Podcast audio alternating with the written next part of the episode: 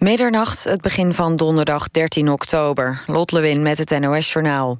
Een meerderheid in de Tweede Kamer is voor het wetsvoorstel van het kabinet... om mensen met een voltooid leven de mogelijkheid te geven... om hun leven met medicijnen te beëindigen. De VVD en PvdA staan achter het plan van de ministers Schipper en Van der Steur. Wilsbekwame mensen die niet ziek zijn en wel dood willen... mogen straks met hulp van een speciale stervenshulpverlener... een dodelijk middel innemen. Oppositiepartijen SP, CDA en ChristenUnie zijn tegen het voorstel. Fractievoorzitter Segers van de ChristenUnie noemt het plan huiveringwekkend... omdat nooit achterhaald kan worden of iemand echt dood wil... of dat er bijvoorbeeld druk is vanuit de familie. De Syrische terreurverdachte die eerder deze week in Duitsland werd aangehouden... heeft in zijn cel zelfmoord gepleegd. Duitse media melden dat hij zich heeft opgehangen. De 22-jarige Jabbar al-Bakker zou een aanslag hebben willen plegen... op een luchthaven in Berlijn. Zaterdagavond werd hij opgepakt. De voormalige IS-strijder die in een opgedoken filmpje vertelt dat hij terug wil naar Nederland, is de 22-jarige Reda Nidalla uit Leiden. Hij zit vast in een zogeheten heropvoedingskamp voor oud-IS-strijders, geleid door rebellen in het noorden van Syrië. Coördinator terrorismebestrijding Schoof zei vandaag dat de jihadist bij terugkeer in Nederland zal worden gearresteerd. De populaire luchtmachtdagen gaan volgend jaar niet door. Door een jaar over te slaan kan de luchtmacht meer tijd steken in de broodnodige training. Volgens een woordvoerder speelt geld geen rol, maar heeft de luchtmacht een adempauze nodig na alle missies in het buitenland. De luchtmachtdagen van dit jaar, die gehouden werden in Leeuwarden, trokken ruim 280.000 bezoekers. En dan nog het weer. Vannacht koelt het af naar 4 tot 6 graden. Overdag zijn er zonnige perioden. Maar later op de dag neemt de bewolking toe. Het wordt 11 tot 13 graden, maar door de schrale oostenwind voelt het kouder aan. Vrijdag verandert er weinig. Dit was het NOS Journaal. NPO Radio 1. VPRO. Nooit meer slapen.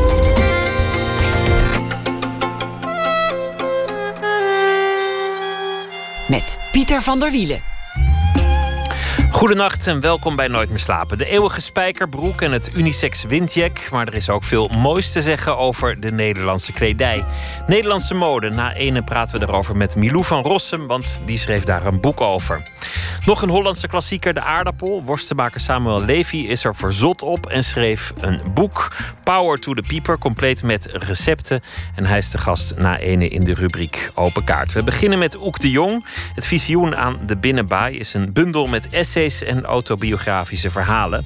Het gaat over de totstandkoming van zijn boeken, over het schrijverschap, over de spiritualiteit van Eckhart, over de Midden-Oosten-reis van Flaubert en over de gedoemde dichter Arie Visser.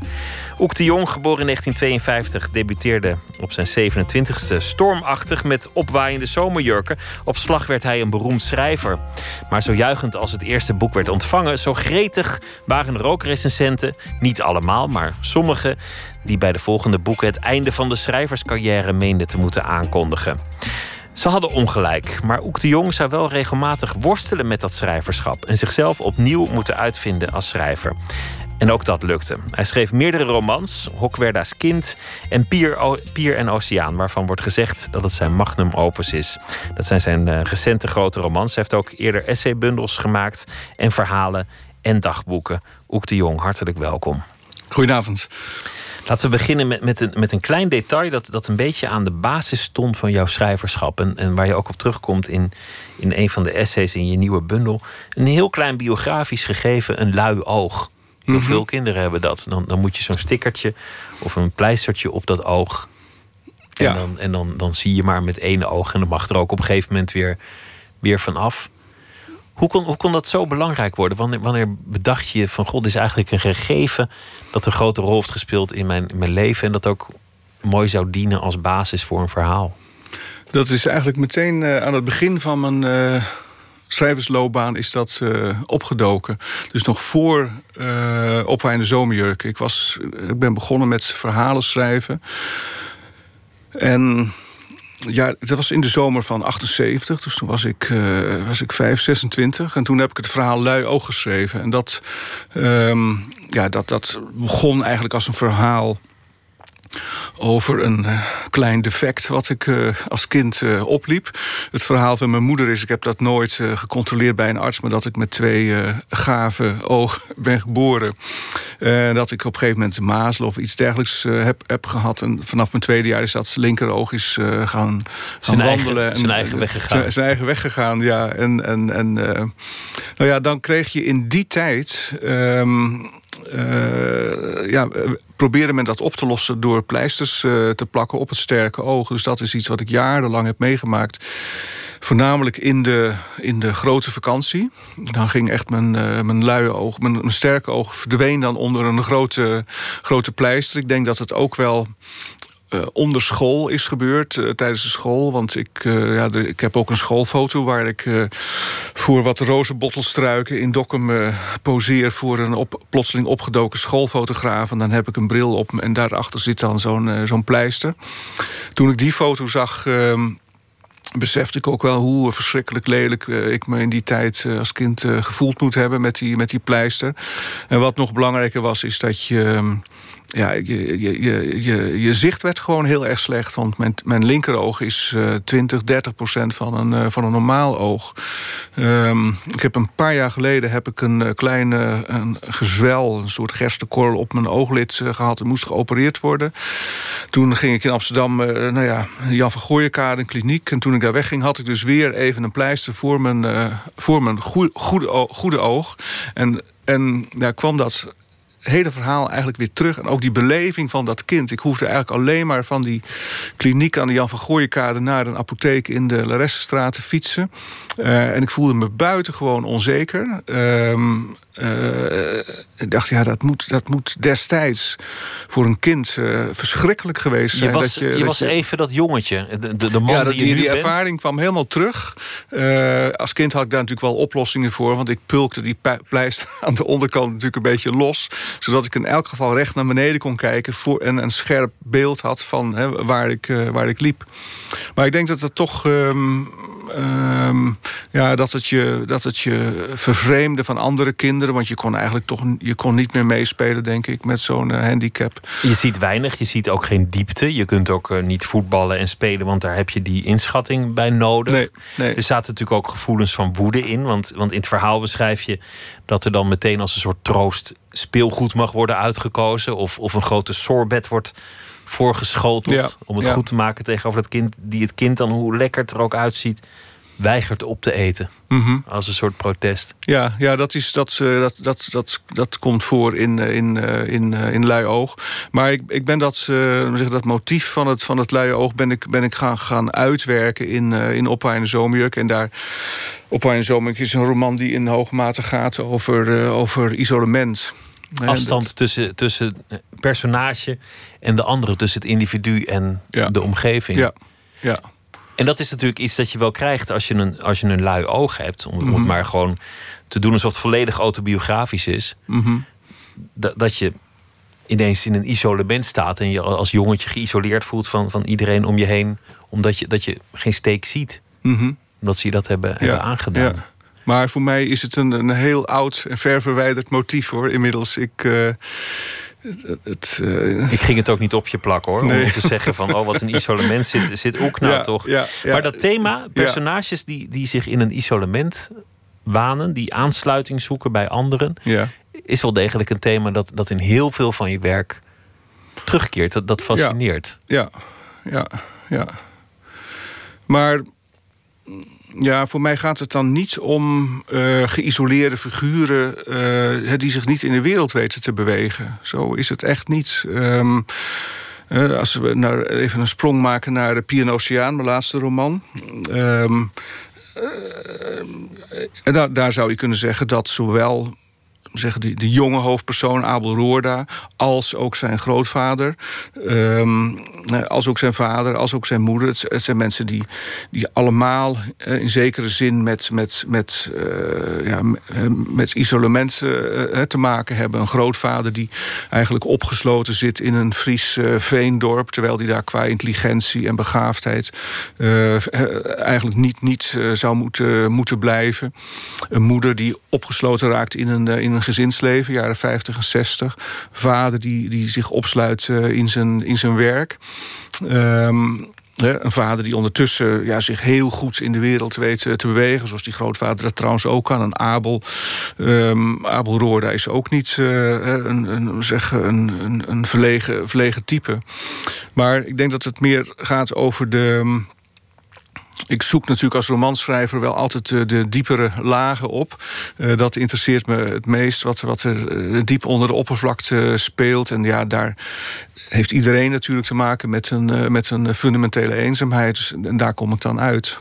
Het is een innerlijk isolement. Het, het is de, de, eigen wereld. Het, het, binnenleven van iemand waar de buitenwereld soms vijandig in binnendringt. Wat, wat, wat mhm. in Pier en Oceaan vrij in het begin al, al zit als, als iemand een treinreis maakt en dan de buitenwereld als het ware die zich opdringt, die mm gedachte binnenkomt mhm. en, en, begint over, schopt het al, die, die, die baby, het is een mhm. zwangere vrouw. Mhm. Dat, dat zijn het soort scènes die, die bij jou passen. Van, van ja, het, zijn, het innerlijke. ja, het zijn natuurlijk ook. Ik schrijf graag over introverte, introverte uh, personages. Uh, de, de, de extraverte figuren in. Als ik naar Pier en Oceaan kijk, dan denk ik nu van ja, er zijn, daar lopen wel extraverte figuren in rond. Uh, maar dat zijn altijd de bijfiguren. Hè. Je kunt aan die fotograaf denken, uh, Gregor Houttuin. echt een Amsterdamse bohemien, wilde jongen. Ja, dat, een beetje een verzetsheld. Uh, verzetsheld, ja, uh, brutaal. Uh, dat zijn, maar de, extra, de extraverten in mijn romans zijn denk ik altijd de bijfiguren. Waar ik overigens wel heel veel plezier aan beleef. Um, en de, de, de, echte belangrijke karakters in mijn romans, dat zijn introverte types. Dus ik onderzoek wel, denk ik, in hoofdzaak de, de, de, de, de binnenwerelden van introverten. De binnenwereld van de introvert, zoals, zoals Proest dat deed. En, je kunt andere schrijvers eh, aanwijzen. Je beschrijft in, in je essaybundel de periode die voorafging aan je debuut. En, en hoe fanatiek je toen was. En hoe enorm de drang was om te schrijven. Ja. Alle andere verleidingen van het leven liet je aan je voorbij gaan. Ja. Uh, vrouwen, zonnige reizen, drankgelachen. Dat kon je allemaal eigenlijk niet zoveel schelen... zolang je maar kon schrijven. In dat ene jaar. Hè? In dat, ene jaar. Ja, dat, dat, Je, dat je jezelf bijna kapot werkte. Ja. Omdat het boek eruit moest. Ja, dat was een. Uh, ik heb het ook een oerschreeuw genoemd. Uh, ergens in dat, in dat, in dat verhaal, uh, De Weg van de Schrijver heet het. Staat een zin die zo ongeveer luidt van. Hè, aan de ene kant is op een zomerjurk. Er zijn dat 271 pagina's die ik ja, helemaal controleer. heel scherp gecomponeerd heb. En tegelijkertijd is dat boek een soort oerschreeuw uh, geweest. Hè, waaruit ik dan zelf als romanschrijver uh, ben, ben geboren, ben tevoorschijn gekomen. Ja, als ik daarop terugkijk, dus nu natuurlijk meer dan 30 jaar geleden. Ja, de drive om te schrijven was bij mij echt vanaf mijn 18e, 19e al heel uh, sterk. Ik heb onlangs een, aan een jong literair blad, dat is Magazine... heb ik een, een verhaal afgestaan wat ik op mijn 19e schreef. Dus ik ben weer in die al die oude mappen terechtgekomen. Verhalen die ik dus tussen mijn 19 en mijn 22 e heb geschreven. En daar, ja, daar kan ik al aan zien dat de gedrevenheid heel sterk was. Dus ik studeerde kunstgeschiedenis, maar ik gebruikte alle vakanties eigenlijk om, om, om te schrijven. En om, om mezelf dat eh, vak uh, aan, te, aan te leren. En in dat ene jaar, waarin ik dus 1978, 79, waarin ik. Uh, op een zomerjurken heb uh, uh, geschreven. Uitgaande van die novelle Lui Oog. Want dat was eigenlijk het, uh, het, beginpunt.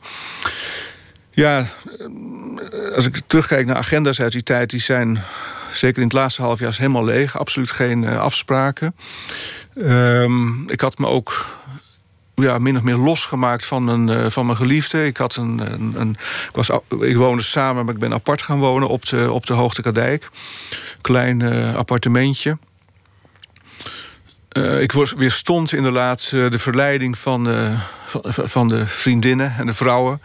die, zich, die om me heen dartelden. Um, ja, ik had Spartaans kantoormeubilair gekocht. Ja, en ik werkte gewoon verschrikkelijk hard. Dat weet ik nog wel. Dat ik, ik, uh, Als een bezeten, kan ja, je wel zeggen. ik kon echt 14 dagen aan een stuk werken. Dan werkte ik 12 uur per dag. En dan was ik s ochtends was ik bezig met, uh, met nieuwe tekst maken. En smiddag was ik bezig met het, uh, met het redigeren van tekst die ik al geschreven had. En na 14 dagen was ik dan helemaal op. En dan liep ik een dag lang totaal wezenloos door, door Amsterdam. En de volgende dag begon ik weer. Je hebt, je hebt ergens geschreven, ook in, in de bundel, dat, dat het vaak gaat over het verlangen naar het hier en nu bij jouw Mhm. personages. Ja. Het verlangen in het hier en nu te leven. Wat je als schrijver bij uitstek niet doet. Je zit, je zit achter een schrijfmachine, een typemachine in die tijd. Mhm. En je bent, bent in andere tijden op andere plaatsen, maar Mhm. niet daar waar het werkelijk gebeurt. Ja, maar ik zou, het, het, het, het geluk van het, van het schrijven is ehm, dat je, dat je er, er zelf als, als persoon, als ik, eh, eigenlijk nauwelijks meer bent. Ehm, Je kunt erin opgaan, je kunt ja, je, gaat, verdwijnen. je, je, gaat, je verdwijnt daar helemaal in. En zeker als je goed schrijft, ehm, eh, het, ge- gebeurt dat. Eh, dus dat, dat is, eh, dat, ik denk dat dat het grote geluk is van, ja, van iedereen die, die heel geconcentreerd eh, werk doet. Dat je in zekere zin verdwijnt. Hè. Tijd en ruimte wordt heel vaag voor mij. Ehm, en het echte goede schrijven brengt bij mij extatische gevoelens ehm, eh, teweeg. Als ik gewoon s ochtends één echt goede bladzijde heb geschreven, kan de dag niet meer, niet meer stuk. Als alles klopt en alles daar is. Ja. Toen was daar die, die, die jonge man, die, die niet heel goed gekleed was, zoals je zelf, je, je jongere zelf je beoordeelt, die ineens een soort literaire superster was. Mhm. Oppa in de zomerjurken was, was een, een droomdebuut en meer dan dat. Ja. 200.000 verkochte exemplaren. Nou, dat, dat, Mhm. is, dat is onvoorstelbaar. Je was een ster. Heel even was dat mooi, maar daarna werd het, werd het een last. Ja, omdat ik eh, te jong was. En, dat, dus dat, het, het, het verhaal, dus het, waar we nu over praten, is De Weg van de Schrijver. Het is het eerste grote verhaal in het, in het boek, 20, 30 pagina's. En dat heb ik geschreven eh, toen Oppa in de Zomerjukken 30 jaar bestond... en er een jubileumeditie werd, eh, werd uitgebracht. En ik heb toen zelf ja, proberen uit te zoeken van, van hoe is dat boek nou eigenlijk ontstaan. Want dat was voor mij ook eigenlijk ja, toch in nevelen gehuld. Ik had daar niet zo heel veel hele scherpe herinneringen aan. Dus ik ben dat gaan, eh, gaan eh, researchen eigenlijk. Oude brieven, agenda's. eh, en ja, al schrijvend ook herinneringen opwekken. En een van de aspecten van, ja, is, is natuurlijk het, de, de roem die mij enorm overviel. Ehm, ja, ik, ik leefde eigenlijk nog als een student. Ik sliep op een matras op de grond. Ehm, eh, ja, kleren van het Wateroplein. Ehm, en die roem die, die, die overviel me. En ja, uiterlijk kon ik daar heel goed eh, mee overweg, denk ik. Ik deed interviews eh, en dat ging gewoon heel goed. Ik snapte ook eh, vrij snel hoe je dat, hoe je dat moest doen. Ehm, en ook hoe je de zaak goed in de krant moest krijgen. Ehm, ik ging met fotografen de straat op. Dus dat was, we zeggen, uiterlijk eh, klopte dat. En ik kon, ik kon, dat ook, eh, kon dat ook zeker aan. Ben daar niet eh, voor, voor op de vlucht gegaan. Maar de, de Maar het legt- druk het is natuurlijk... De druk, het was de druk die eigenlijk op je gelegd werd. Ik s- ik schrijf dat ook van... Ja, mijn, mijn, mijn redacteur belde me dan en zei van... nou, we zijn alweer door de, door de vijfde, zesde druk heen. We gaan een nieuwe druk opleggen. En op een gegeven moment heb ik haar gevraagd vanwege de druk die mij werd opgelegd... wil je me niet meer bellen? Bij Eh, iedere nieuwe druk. als er weer 10.000 bij komen. Want dat begon me gewoon te benauwen. Omdat ik natuurlijk wel daar begon te zien van ja, eh, dit, dit moet ik gaan waarmaken. Met, met, met, een, met een tweede, tweede roman. Dus En die, die tweede, dan, dan zijn natuurlijk... Dat is toch een beetje een traditie volgens mij. Dan zijn, dan zijn de potloden geslepen bij, bij ja, maar die tweede roman is, eh, dat was een beetje een vergissing, vond ik, van je, bij je introductie. Die tweede roman is heel goed ontvangen. Maar de derde, daar eh, begon het geraas. Eh, Cirkel in het Gras is, was eigenlijk bij ontvangst een nog groter succes dan, eh dan Op Zomerjurken. Ik vind het ook altijd vreemd dat die zomerjurken zo naar voren worden gehaald. Terwijl in mijn perceptie is Cirkel in het Gras ehm, een, een, een beter en groter boek. We hadden het net even over Flaubert, over wie ik ook geschreven heb in deze, in deze bundel. En jij zei van nou, ik vind eigenlijk de Leerschool der Liefde, dus Flaubert's tweede roman, beter dan Bovary. Voor mij geldt eigenlijk dat ik het Gras vind ik een grotere grotere roman dan, uh, dan Op Wijne Zomerjurk. Ik had echt vijf, zes jaar bijgeleerd. Dat kun je ook, uh, kun je ook duidelijk zien. Nee, het probleem is... Um, is uh, ik herinner me ook nog dat we zeggen, de, de Volkskrant had op Wijne Zomerjurken niet, niet besproken. Een enorme fout was dat van ze. Dus bij Cirkel in het Gras kwamen ze langs van een voorpublicatie. Dus ze kregen een enorme lap in, in, in het zaterdag, zaterdagnummer. Dus er werd echt op dat boek gewacht. Maar daarna begon, zijn er wel, er zijn, er zijn ik wil niet zeggen dat je de, de, hele ontvangstgeschiedenis van je werk bespreken, maar er zijn absoluut recensenten geweest die zeiden: Nou, uh, ja, is dat, geen schrijver meer. Of, ja, maar dat, is, dat is begonnen met. Um, um, met mijn, eigenlijk met mijn derde belangrijke boek, De Inktvis. dat, was, dat was een boek met een mystieke thematiek.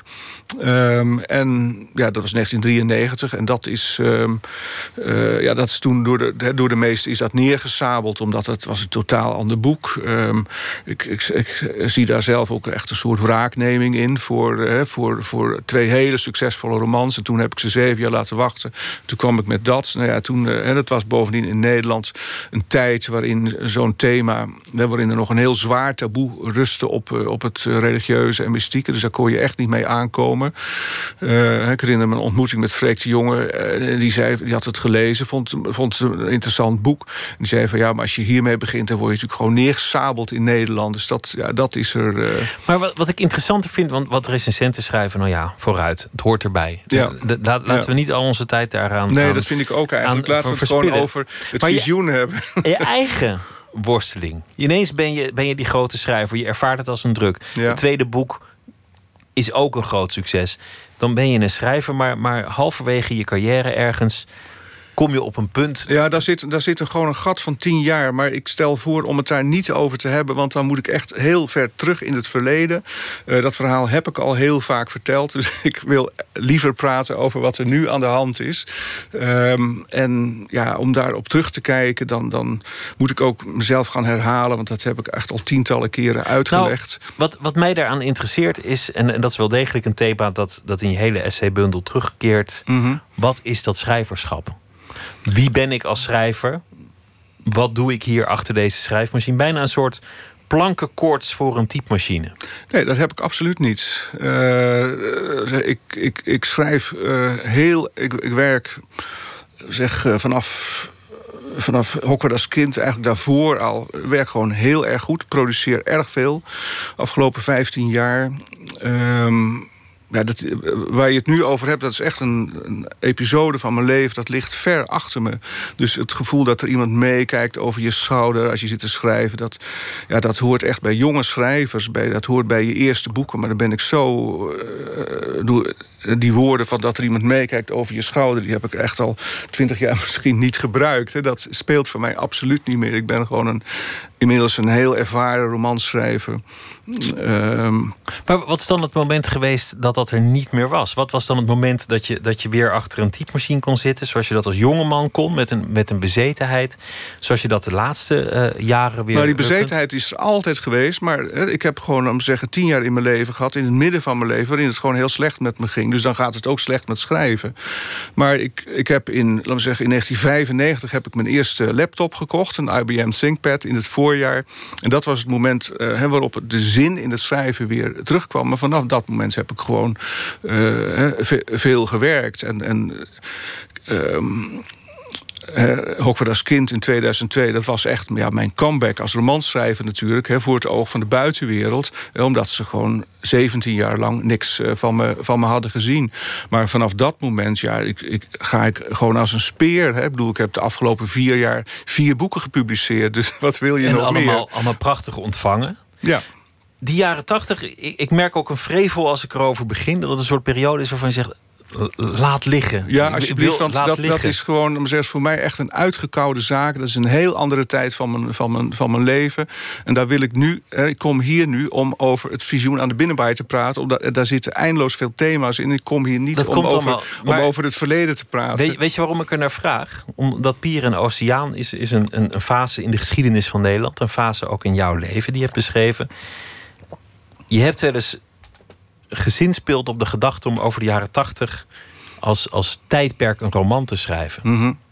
En dat, dat lijkt mij een heel interessant thema. Mhm. Waar jij was, waar de stad was, wat er gebeurde in die periode. Maar tegelijk merk ik nu aan je dat het een periode is die ook een beetje, beetje, beetje jeukt. Waar je eigenlijk niet aan wil komen. Ehm, nou, niet, niet, niet meer. Hè. Ik, heb, ehm, ik heb gewoon een aantal interviews gegeven aan Vrij Nederlands. eh, eh, waarin ik hier wel dingen over heb gezegd. Maar. eh, je kunt het trouwens ook in, in, in dit nieuwste boek, in het visioen, kun je het ook terugvinden. Want daar staat. In, eh, het- het, slot. over Kellendonk. Het heel, een heel groot verhaal over Kellendonker. Dat is hè, mijn vriendschap met Kellendonk. Dat speelde zich af in de jaren tachtig. Eh, dus in die, in die hele eh, slechte tijd. Ik zeg daar ook 1989 was het slechtste jaar van, van, mijn, van mijn leven. Toen zat ik echt aan de grond. Dat was ook het jaar waarin Kellendonk stervende was. Ja. Langzaam wegteerde op zijn bed. eh, hè, en er een, een, ja, eigenlijk een conflict tussen ons eh, ontstond in de, in de, in de zomer. Dus om te zeggen, glimpen van die tijd zitten wel, zitten wel in, die, eh, in, die, in die essays. In zekere zin ook. Maar in, het, in het, laten we zeggen, ik, ik, wil daar best, ik kan daar best openhartig over zijn. Maar ik heb nu het gevoel van het vertraagt me. Ik wil gewoon door. Ik heb geen zin meer om, om daar nu nog een keer naar te kijken. Je wil nu door met, met wat er in. in Nou, ik ben in aan het werken. Ik heb ontzettend veel plannen. Eh, ik, ik heb net dit boek afgeleverd waar ik heel erg blij mee ben.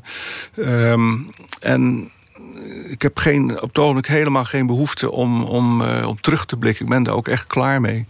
met, met de periodes die achter je liggen. Je nou, bent met bezig. die, met die hele slechte tijd. Ik bedoel, dat is natuurlijk wel. Het is een heel essentieel onderdeel van mijn leven. Ik heb toen heel erg veel geleerd. Eh, ik ben een tijd lang ook helemaal uit, zullen we maar zeggen, mijn eh, intellectuele, literaire framework geweest. Eh, ik heb heel andere dingen gedaan. Ik heb met zwakzinnigen gewerkt. Ik heb heel veel gereisd. Ik heb les gegeven. Eh, ik heb een heel belangrijke eh, liefdesaffaire gehad toen. Dus eh, ik heb volop geleefd en ontzettend veel geleerd. En daar profiteer ik nog steeds van. Dat is een, zeggen, mijn, mijn, mijn ver- verbinding met, met, met, zeggen, met de bedelaars om me heen. Dat, dat, dat dateert echt van die tijd. Dat ik gewoon ja, echt contact maak met, eh, met mensen die echt aan de grond zitten. Dat, eh, dat, dat, dat Zoals, dat- Agri Visser. ja, dat is er voor mij nog steeds. En dat heb ik echt in die tijd. eh, Toen ben ik uit die kokon gebarsten. Hè, ook van dat literaire succes. En opgesloten zitten in dat schrijven. Ehm en ben ik de wereld ingegaan. Misschien is het ook wel een schat waar je uit put als schrijver. Absoluut, want ik had Hokward als kind nooit kunnen schrijven zonder die donkere jaren. Ehm, heel veel reflectie eh, die je terugvindt in Pier en Oceaan. Is reflectie op mijn eigen geschiedenis, mijn ouders en mijn grootouders. Dat is natuurlijk ook allemaal in die tijd, eh, in die tijd eh, begonnen. Je- we begonnen met dat luie oog. Een, een lui oog dat, dat maakt een soort grens tussen jou en de wereld, een soort afstand. Een, een lui oog zorgt ook dat je aangewezen bent op andere zintuigen. Mhm. Wat, wat mij opviel in Pier en Oceaan is, is hoe mooi de lucht wordt beschreven. De temperatuur van de lucht. Dat de lucht in Friesland anders is dan in Zeeland. Hoe, hoe alles voelbaar wordt. Veel, veel romans zijn, zijn heel erg visueel. Mhm. Of, of misschien ook een beetje auditief. Je schrijft één hoofdstuk in, in eh, de essaybundel over het ritme en muziek. Welke Mhm. rol dat speelt in het, in het schrijven. Ja. Dan, dan ook opwaaiende zomerjurken, waar het de tijd van de punk was, terwijl je zelf luisterde naar de solos van John Coltrane. Mhm. Je had eh, eh, Scarlatti aan en, en, en Mozart. Is, is het bijna als componeren van muziek, schrijven? Ehm, ja, ik ben steeds meer gaan eh, zien eigenlijk dat het, het schrijven, dus de daad van het schrijven, dat, eh, is volkomen vergelijkbaar met eh, een improviserend muzikus. Dus iemand die, die de techniek beheerst, die zijn instrument beheerst. ehm, dat is het gecontroleerde gedeelte van je werk. En dan ga je spelen. En dat is het schrijven. Dus dat is eigenlijk een, een ja, één grote improvisatie. Waarbij ik begin dan s ochtends eh, tussen negen en tien. En eh, om twee uur stop ik. En als het goed is, is er dan iets gebeurd wat ik niet eh, had kunnen voorzien. Maar ook dat, dat er muziek is, dat, dat hoor je van veel schrijvers, die gebruikt Als, als achtergrond om iets te schrijven. Maar het, het, essay wat ik geschreven heb, dat gaat, gaat dus echt, over het ritme en de muzikaliteit. Nou, dat gaat over de, we zeggen over, je hebt allerlei begrippen in de muziek. Dat het simpels is het tempo en ritme, dynamiek, um, vertragen, versnellen. Um, dat, zijn, dat zijn begrippen die muzici gebruiken, maar die kun je ook heel goed gebruiken in een roman. Dus voor mij, uh, als romanschrijver, uh, ik ben altijd bezig met, uh, dus met dynamiek, met het, met, met het, um, het creëren van spanning, beweging, he, daardoor het, het boeien en vasthouden en meenemen van, van de lezer. Dus je bent altijd bezig met tempo, met het ritme in de zinnen, ritme in de alinea's, vertragen, versnellen is heel belangrijk, he, flashbacks, dialoog. ik heb een, een verhaal geschreven, hè, Mozart voor schrijvers... waarin ik dus probeer uit te zoeken... wat zijn nou de, de overeenkomsten tussen wat een componist doet... en wat een romanschrijver doet. We gaan luisteren naar uh, iets dat niet in het uh, verhaal voorkomt... maar desalniettemin wel naar muziek. We gaan luisteren naar Sun Little en Gris... samen met het nummer Driftin'. stranger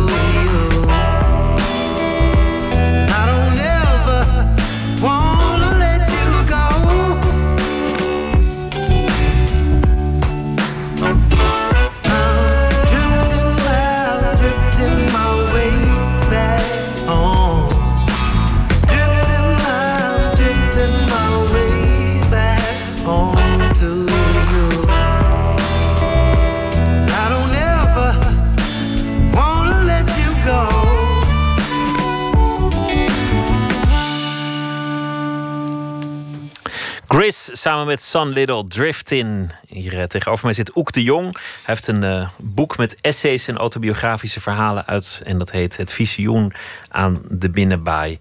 We begonnen met een autobiografisch gegeven dat ook in, in de bundel voorkomt. Het, het Luie Oog, het eerste boek. De totstandkoming van een schrijverschap. En uh, andere thema's die erin kwamen. We blikten terug op de duistere periode die volgde in de jaren tachtig. Je zei, nou moet dat nou weer? Heb ik eigenlijk helemaal geen zin meer in. Achter me gelaten. Ik ben nu zo productief. Ik wil nu vooruitkijken. Ik wil nu werken. Ik wil nu opgaan in die literatuur. Dat is gelukt met deze uh, bundel essays. Het gaat over Caravaggio, over Flaubert. Het gaat over Eckhart. Het gaat over Mozart. Het gaat over uh, Kellendonk. Heel veel verhalen. Zijn de essays net zo belangrijk in je oeuvre als de romans? Ja, voor mij wel. Het is een. Um, het is een um, echt een veronachtzaamd genre, vind ik. Um, ook uh, niet alleen bij critici, maar ook bij lezers. En dat komt, denk ik, omdat lezers nog altijd een verkeerd beeld hebben van het essay. Het essay klinkt een beetje gewichtig. Um, je verwacht misschien een, een, een saaie geleerde tekst. Maar zulke essays worden in Nederland al 20, 30 jaar lang gewoon niet meer geschreven. Ik heb vanaf 1980 eigenlijk een essayistische Um, en ik heb dat genre meteen naar mijn hand gezet. En ik ben een verteller. Ik, wil, ik, ik denk in beelden, ik schrijf in beelden. En dat doe ik dus ook in mijn, uh, in mijn essays. Inmiddels heb ik ja, vier um, boeken met autobiografische verhalen en essays gepubliceerd. Een man die in de toekomst springt, 97. Uh, een brief aan een jonge atlas. Dat zijn eigenlijk hele vroege stukken die ik in 2012 pas heb gepubliceerd.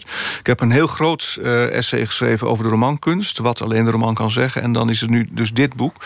Het visioen aan de binnenbaai. En dat is voor mij het, uh, het perspectief. Dus ik ben hier al jaren mee bezig. Er zijn al vier boeken uh, op die lijn neerge, neergezet. Maar ja, het is waar. Die, die, dat, dat essayistische werk. Wat eigenlijk um, voor mij vooral iets heel persoonlijks is. Uh, uh, stukken waarin ik ja, allerlei verwantschappen uh, affiniteiten, uh, het, uh, het, werk van anderen, on, onderzoek. Ja, dat groeit langzaam maar zeker in de schaduw van mijn romans. groeit dat, maar voor mij is het heel essentieel. Het is, het is eigenlijk een soort achtergrond voor de, voor de romans, een achtergrond voor mijn, voor mijn schrijven. maar ik besteed er ook heel veel tijd aan. Ik vind het gewoon ook. dus dit, dit, boek, dat, die stukken zijn meestal uit verzoeken ontstaan voor kranten en tijdschriften. Maar ik heb toch nog vier, vijf maanden de tijd genomen om dat boek heel zorgvuldig te componeren, om die stukken te, te, te redigeren, te herzien, meestal heel erg uit te breiden. En, eh, en echt iets neer te zetten. Ja, 16 stukken in lengte variërend van 4 tot 40 pagina's, maar die samen toch wel één verhaal uh, uh, vertellen. En het motto wat ik voorin heb gezet is een, zin van Ezra Pound, de grote modernistische dichter: A poet should build us his world. En dat is eigenlijk ook mijn. Zeggen, dat is eigenlijk voor, voor mijn hele essayistische oeuvre is dat het overkoepelende motto. Dus ik ben. Um, ik vind het heel interessant eigenlijk ook op ogenblik dat je, je leeft in, um, in dat internettijdperk waarin uh, nog meer eigenlijk dan in de 20e eeuw al het geval was. Het verschil tussen verschillende tijdperken uh, valt uh, min of meer weg. Dus wij kunnen, als je naar uh, Radio 4 luistert, je kunt zeggen, je hoort een, stuk van, van Schubert. Nou zit je dus in een, in een romantische periode, romantische esthetica, begin 19e eeuw. Daarna hoor je Stravinsky. En dan zit je aan het begin van de, zit je 100 jaar later, of, of je hoort een stuk wat van een Chinese componist, wat vorige maand zijn wereldpremière heeft uh, beleefd. Dus dat, en dat kunnen wij. Dus wij schakelen in die hersenen uh, moeiteloos eigenlijk van, van de ene wereld naar de andere. Want we zeppen door de geschiedenis. Ja, hè, maar we kunnen het ook dus echt. Dus je kunt het ook echt appreciëren. Dus je kunt, laten we zeggen, aansluiten op hè, die romantische wereld van, van een Schubert-lied hè, of een Schubert-sonate. En dat helemaal van binnenuit uh, waarderen. Tegelijkertijd kunnen wij aansluiting vinden bij een stuk wat, wat gisteren gister gemaakt is. En zo ervaar ik eigenlijk ook mijn hele uh, essayistische oeuvre, hè, waarin ik ja, we zeggen de, de oudste schrijver die in dit nieuwe boek uh, uh, aan bod komt, dat is Meister Eckhart. Dat is een 14e eeuwse uh, mysticus, een tijdgenoot van Dante. Um, en Kellendonk is een generatiegenoot van mij. Ik schrijf ook over Rembrandt, over, over die schitterende tentoonstelling die we in het Van Gogh Museum hebben gehad, waar naast elke Rembrandt een, een, een Caravaggio, Caravaggio was ja. opgehangen. Echt een hoogtepunt in mijn visuele bestaan was dat.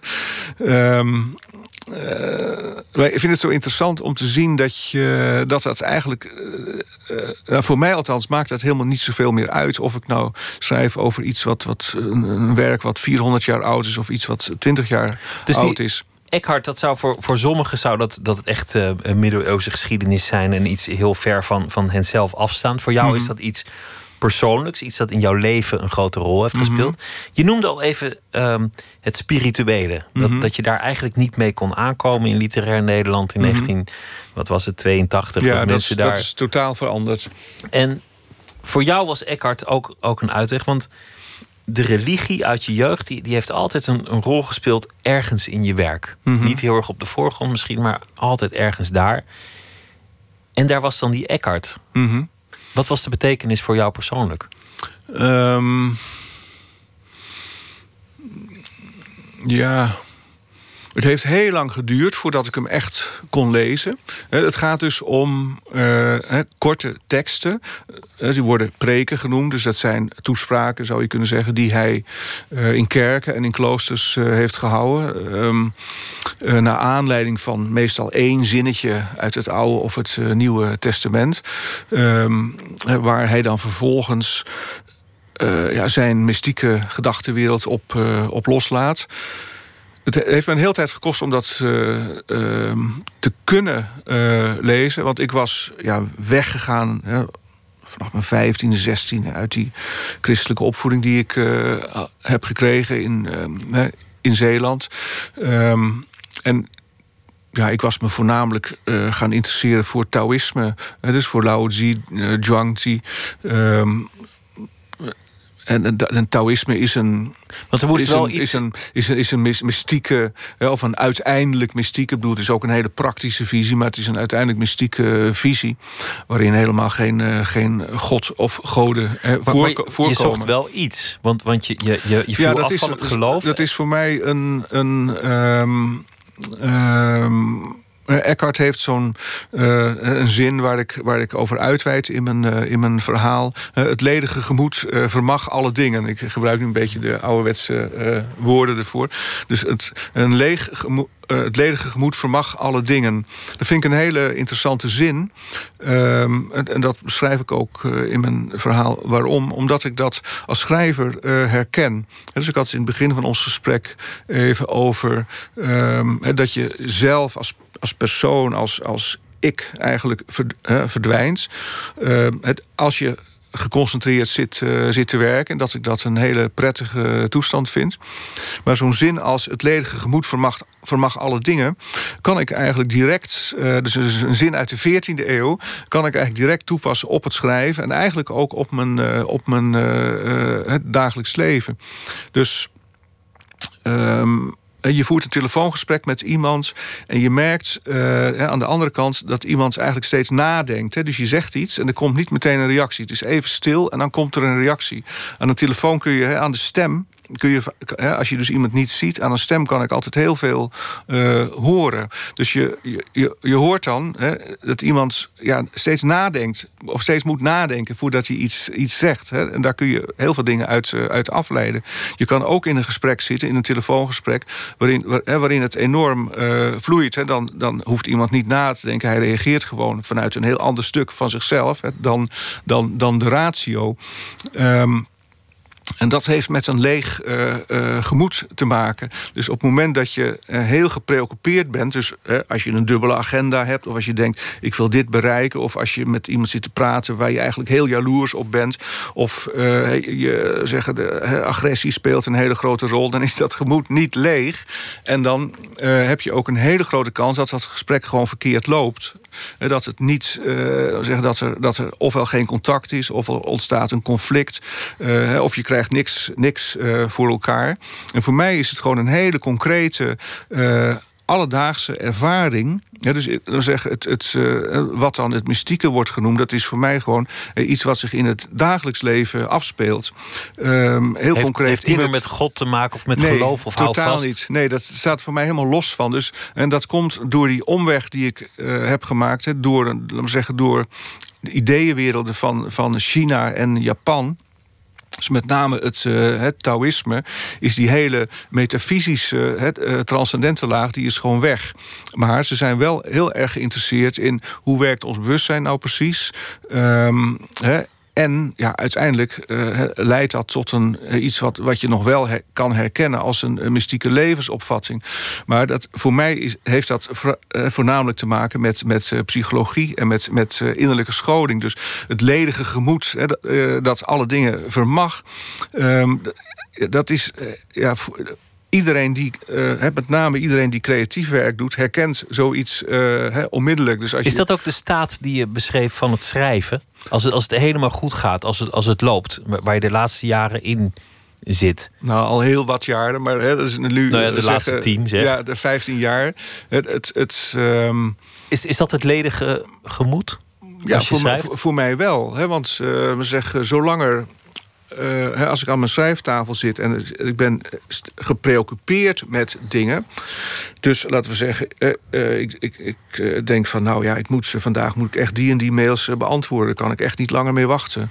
Um, alles wat door mijn, door mijn brein schiet ja, dat, dat, dat maakt het schrijven, bemoeilijkt het, het schrijven. Dus ook altijd een. je hebt een moment uh, waarop je in slaap valt. Dat kun je uh, vaak niet registreren. Opeens ben je weg.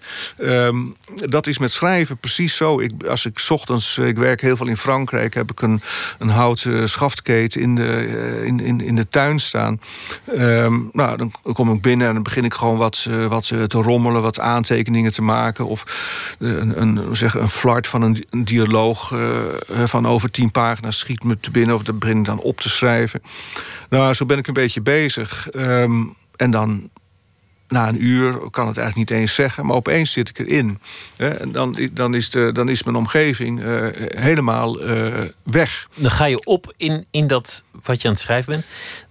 Waarom? Dat is, dat is een andere vraag. Want alle verleidingen die je weerstond om je eerste boek te schrijven. Mm -hmm. In het verhaal met Kellendon komt het ook voor. Dat, dat jij je ook terugtrekt in dat schrijven. Dat, dat eigenlijk er van alles gebeurt in de stad, in de wereld, in je omgeving, in, mm -hmm. in de liefde. Mm -hmm. Maar dat, dat die drang van jou altijd toch is om, om op te gaan in dat fictieve of, of in, dat, in dat geschrevene. Waarom? Nou, er zijn altijd twee, werelden, er zijn altijd twee werelden. Dus ik sta, ik sta gewoon met beide benen uh, in, in, in de wereld zoals die nu uh, is.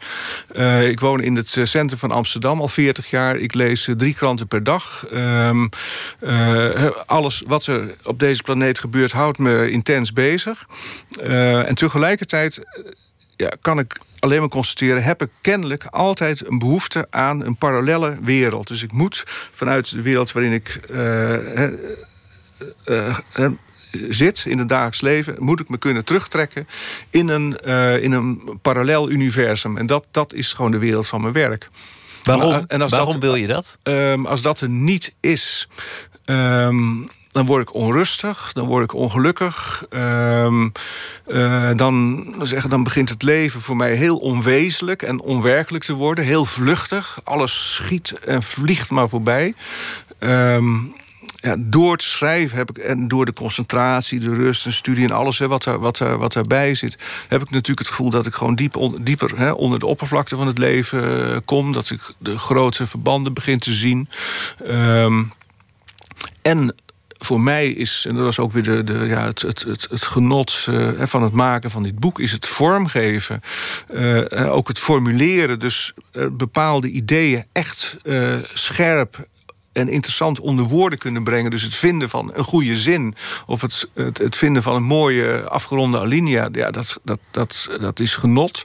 En dat, dat maakt me gelukkig. Als je schrijft over Kellendonk, dan, dan, dan schrijf je over een vriend die sterft. Er is een conflict uh, kort voordat zijn, zijn dood uh, daar is. Er is afstand. Mm -hmm. Eigenlijk lijkt het wel alsof, alsof die vriendschap pas echt goed kon werken toen je hem op papier kon zetten. Nee, het was een uh, het conflict wat ik beschrijf. Dus het verhaal over Kellendonk, het grootste verhaal in het boek. Dat gaat over zeven jaar vriendschap. Um, maar ik focus op het laatste anderhalf jaar. Dus dat hij echt uh, ernstig uh, ziek was.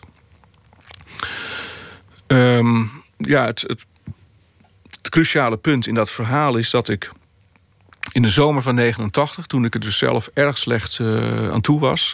Um, een verbinding met de buitenwereld gewoon ook heel moeizaam verliep. Dat ik toen op een avond aan, aan, het bed van Frans zat in een doodstille kamer in de Betaniëstraat. En ja, dat het onmogelijk was uh, om te praten wat er nou eigenlijk met hem aan de hand was. Hij, hij, hij, was ja, zich aan het voorbereiden op de dood. Um, er, was toen nog helemaal niets tegen, tegen aids. Um, we waren echt uh, bevriend. Um, en de vriendschap zoals wij die hadden...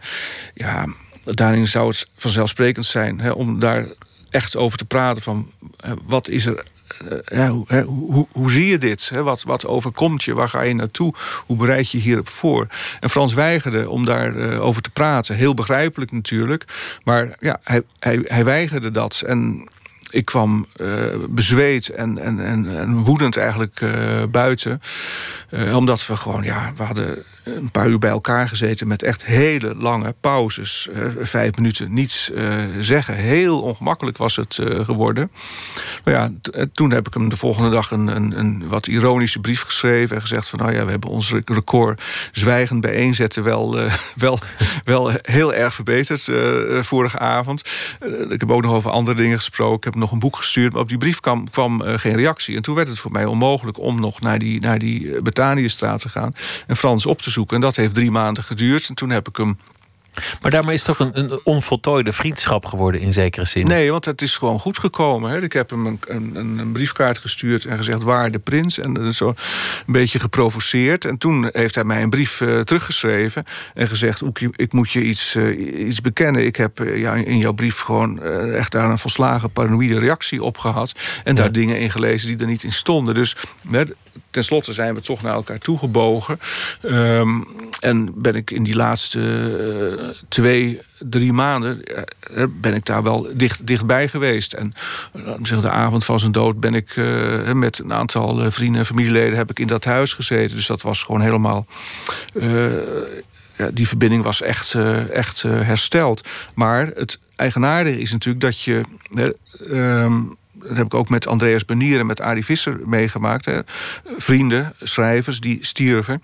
Dat je um, met zo iemand als Kellendonk, die dus een geschreven oeuvre nalaat, hè, dat zo iemand uh, heel sterk aanwezig blijft. Omdat je hem gewoon in zijn teksten en in zijn stijl vooral, dus in de manier waarop hij schrijft, hoor ik hem gewoon praten. dus hij blijft heel sterk uh, aanwezig. En heb ik gemerkt, maar dat, dat zul je ook merken met. Uh, dat zullen anderen ook merken met. met niet schrijvende doden, dat um, uh, ja, na de dood uh, zich zo'n vriendschap nog uh, ontwikkelt. Omdat je zeker de eerste jaren, denk je toch veel over iemand na. Je voert met andere gesprekken over hem. Maar ook als je over iemand schrijft, zal dat, zal dat veranderen. Ja, zal dit is natuurlijk toch hè, dit is, ook kijk, gebeuren. Mijn, mijn vriendschap met Frans heeft, we zeggen, in, in, ik heb hem zoiets als 12, 13 jaar gekend. 7 jaar echt bevriend. Daarna 25 jaar.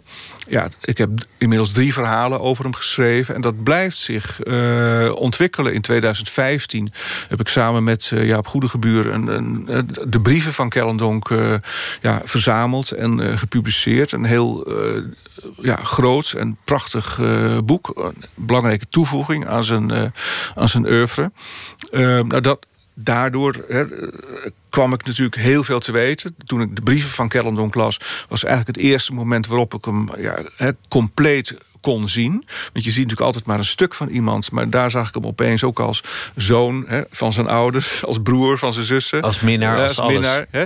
Dus ik eh, kreeg opeens een, een, ja, een, een compleet beeld uh, van Frans. Dat, dat was wel weer een verschuiving in mijn, uh, in mijn perceptie, in mijn gedachten over wat, hem. Wat mooi is wat je daaraan zegt. Want je zegt, we kunnen seppen in de geschiedenis. We kunnen alle tijden tegelijk tot ons nemen. Je zet ja. de ene, het ene moment Coltrane op en het andere moment Mozart. Dat kan naast elkaar bestaan. Je zegt ook, uh, iemand spreekt tot je in zijn tekst als hij dood is. Dus, dus mm -hmm. de, de kunst overwint de sterfelijkheid. Zeker. In, ja. zekere zin. Je schrijft ook over Flaubert, die, die helemaal grootse gedachten had over het belang van dat, van dat schrijverschap. Mm -hmm. Waar je zelf nu bent, is, is een, een fase van extreme productiviteit. En, en een reusachtige ja, ik ben echt, drang. Ja, je, je kan, ik kan zeggen, ik ben aan het oogsten. Dat, hè, dit, dit boek is ook gewoon een oogst van, van tien jaar. Dus dit, heb ik, dit zijn verhalen die ik naast, naast Pier en Oceaan uh, uh, geschreven heb. En ik heb ze samengevoegd in, ja, in één groot verhaal. Dat is dit, uh, dat is dit boek. Um, ja, wat, wat, zou je nu, want, want Pier en Oceaan, er is al gespeculeerd van nou, er kan wel een vervolg op worden geschreven. Ja. Het, het is nogal een, een lijvig werk, dus dat, dat is niet van de een op de andere dag gedaan. Waar ben je mee bezig? Want, want je bent momenteel. Ja, ik ben, iets... zit halverwege een nieuwe, nieuwe roman. Um, en dat is een. Um, hedendaagse roman. En dat is ook meteen het, uh, voor mij het uh, heel interessante aspect eraan. Ik heb natuurlijk wel uh, me afgevraagd... Van, moet ik na Pie en Oceaan niet doorgaan... de jaren zeventig erbij nemen. Die levens gaan ook door. Ik kan gewoon zo verder gaan met die, met die personages... zoals... We hadden het even over een Martin Dugard hè, in, in de Thibaut heeft gedaan. Die Ja. heeft gewoon twintig jaar met dezelfde personages uh, uh, geleefd. Um, Vind ik heel vergelijkbaar eh, soort boek. ja, het is een uh, auteur. Uh, ik heb hem ja, pas de afgelopen twee jaar heb ik al die romans gelezen, de Thibaut. En ik voel me daar zeer verwant aan. En hij is weer een, een, we zeggen, een, een, een, een verre verwant van Tolstoy. En dat is ook voor mij een van mijn, een van mijn helden. Maar ik heb om andere reden besloten om niet, vooralsnog niet door te gaan in die wereld van, van Pier en Oceaan. Ik had daar zeven, acht jaar in gezeten. En ik voelde heel sterke behoefte om ja, daar in elk geval een hele tijd uit weg te, weg te, weg te zijn. En een hele sterke behoefte om een uh, roman te schrijven die echt nu speelt. Dus in de tijd van internet en in de tijd van smartphone. Um, he, en alles wat dat uh, uh, teweeg heeft gebracht. Dat is natuurlijk gewoon een enorme breuk in onze, in onze cultuurverschuiving. Want, want heel veel boeken van vroeger zouden niet meer kunnen... want die, die zijn makkelijk op te lossen met één telefoontje. Ja. Heel veel films ook. Ja. Ja. En tegelijk zijn er heel veel nieuwe mogelijkheden voor een schrijver... om ja dialogen en, ja. en plots te laten plaatsvinden. Ja, ja ik merk meteen, ik vind het heel fascinerend. Uh, ik schrijf een boek waarin twee generaties zitten. Dus iemand van mijn leeftijd, ongeveer 60. Um, en uh, jonge, jonge mensen zijn kinderen van, van eind 20, 30. Um, het, het, speelt echt in het nu, of één of twee jaar geleden. Um, hoofdpersoon is een, is een schilder. Het begint met een, met een, hij heeft een grote over, overzichtsexpositie in het, uh, in het stedelijk, à la Marlene Dumas. Is een beetje op, uh, op geïnspireerd. Um, en wat ik merkte toen ik dit verhaal begon te schrijven, is um, ja, dat hij. Dat een, de smartphone uh, ook in de roman de communicatie meteen verandert. Dus de eerste grote scène in het boek is... Uh, Schilder is met zijn vrouw op weg naar het stedelijk in een taxi. Dus ergens in, in, uh, in september heeft net hevig geregend in, in Amsterdam. En zijn, zijn dochter, zijn stiefdochter eigenlijk, is fotograaf. En die zit um, in het, uh, in het Midden-Oosten. En die is daar eigenlijk een, ja, die is aan het fotograferen. En bezig om de verwoestingen van, van de oorlog op alle mogelijke manieren te registreren. En wil daar een, boek van maken. Um, nou, hij mist haar enorm bij die, bij die opening. Maar in die taxi krijgt hij op zijn telefoon een foto van dat meisje. Die zij ergens in de woestijn heeft genomen. En ze heeft op een, op een, ja, een, soort, uh, op een soort heuvelhelling... Uh, heeft ze met, met stenen het woord uh, gefeliciteerd of iets dergelijks... Hè, heeft ze, s ochtends vroeg heeft ze dat gelegd. En ze heeft dus ergens in, in, in Irak waar ze zit... heeft ze een foto in de woestijn van het woord gefeliciteerd genomen. En dat krijgt hij gewoon op zijn telefoon in de, in de taxi. Zo gaat dat. Um, nou, die situaties vind ik heel fascinerend. En dat, waar, waar niet alleen tijden, maar ook plaatsen door elkaar gaan. Ja. Als, als Um, als je uitglijdt over een, een, stukje zeep of je valt van de trap, was, was dan uiteindelijk het schrijven het belangrijkste in je leven? Of was het schrijven dan het belangrijkste? Ja, als, als je nog één seconde hebt voordat, voordat je weet dat het, uh, dat het eindig is. Ja. Je bestaan, ja, als gedachte-experiment. Mm -hmm. was, was dan dat schrijven al uiteindelijk waar, waar jouw bestaan over ging? Nou, sinds, sinds uh, ik ben nu 24 jaar met uh, Sjan, mijn geliefde. Uh, en sinds ik, sinds ik met haar ben, gaat mijn bestaan ook over, over de liefde of over een, over een langdurige verhouding of over een, over een, een huwelijk. Dat vind ik een, net zo spectaculair avontuur. Als het is ook wel gewoon een leven als, natuurlijk. Als, als, het, als het schrijven, ja. Hè, alles wat, wat, wat, wat een langdurige verhouding met zijn, met met zijn vrouw, met zijn geliefde, met, met zich meebrengt. Dat vind ik echt een, een ongelooflijk ehm, ja, is, uh, iets heel uh, spectaculairs en, en, en indringends. Uh, er zit een voortdurende verandering in. Mijn perceptie van haar verandert nog, nog, nog steeds. Maar er ehm, waren wel, wel, zoals je eigenlijk zei, twee, twee levens twee, twee werelden. Ja, de werkelijkheid dat, en dat, en ik, en kan dat niet, ik kan niet zonder. Dus iemand die met mij leeft, zij moet wel accepteren dat ik um, dat er. Maar ja, goed, voor jou is er ook hè, in zekere zin altijd een parallel universum. Hè. Je iemand zou dat ook niet moeten vragen, vinden. Hè, je, je bent dat met, an, je bent met anderen, maar je bent ook een groot deel van de tijd met jezelf, hè, in, je, in je eigen wereld. Maar bij een schrijver is dat aspect uh, gewoon veel sterker uh, aanwezig en ook veel zichtbaarder natuurlijk, omdat hij zich terug trekt en uh, gaat schrijven en daar, daar veel tijd aan besteedt. Het is nog uh, te vroeg om te praten over een oeuvre. Er is nog zoveel te maken. Ik wens je heel veel succes en ik dank je dank voor je, je komst. Het visioen aan de binnenbaai heet het boek. Oek de Jong, dank je wel.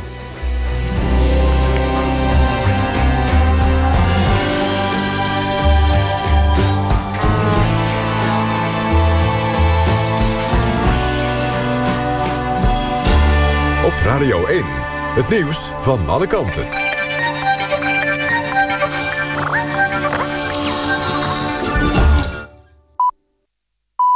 1 uur, Lot Lewin met het NOS-journaal. Minister Schippers stelt dat haar wetsvoorstel om mensen de mogelijkheid te geven hun leven te beëindigen met medicijnen geen dood op bestelling is, maar het tonen van barmhartigheid aan mensen die niet ziek zijn, maar echt niet meer willen. Ze stuurde samen met minister Van der Steur een brief over het plan aan de Tweede Kamer. Ze benadrukt dat mensen het dodelijke middel alleen kunnen nemen onder begeleiding van een speciale stervenshulpverlener.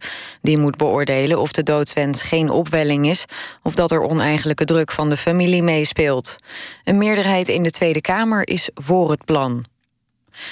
De Syrische terreurverdachte die eerder deze week in Duitsland werd aangehouden... heeft in zijn cel zelfmoord gepleegd. Duitse media melden dat hij zich heeft opgehangen. De 22-jarige Jaber al-Bakker zou een aanslag hebben willen plegen... op een luchthaven in Berlijn. Zaterdagavond werd hij opgepakt. De voormalige IS-strijder die in een opgedoken filmpje vertelt dat hij terug wil naar Nederland, is de 22-jarige Reda Dindalla uit Leiden. Hij zit vast in een zogeheten heropvoedingskamp in Syrië voor oud-IS-strijders, geleid door rebellen. Coördinator terrorismebestrijding Schoof zei vandaag dat de jihadist bij terugkeer in Nederland zal worden gearresteerd. En het verkeer moet ook vandaag rekening houden met lange files voor de Merwedebrug. De Verkeersinformatiedienst vreest voor ernstige vertraging vanwege de politiecontroles op vrachtwagens. De Merwedebrug is gesloten voor vrachtwagens omdat er scheurtjes in de betonconstructie zijn ontdekt. De politie stelt in beide richtingen maar één rijstrook open om beter te kunnen controleren. Gisteren leidde dat ook al tot lange files, oplopend tot ruim twee uur in de spits. De VID raadt weggebruikers aan de A27 bij Gorkum helemaal te mijden. En dan het weer. Het is fris met 4 tot 6 graden. Overdag zijn er zonnige perioden, maar later op de dag neemt de bewolking toe. Er staat een koude oostenwind en het wordt 11 tot 13 graden. Dit was het NOS Journaal. NPO Radio 1. VPRO. Nooit meer slapen.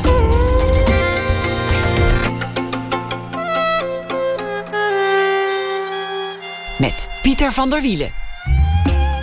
De Eigenheimer, Bintje, de Opperdoes en de Turbo. Samuel Levy is gek op aardappels en hij is notabene worstmaker van beroep.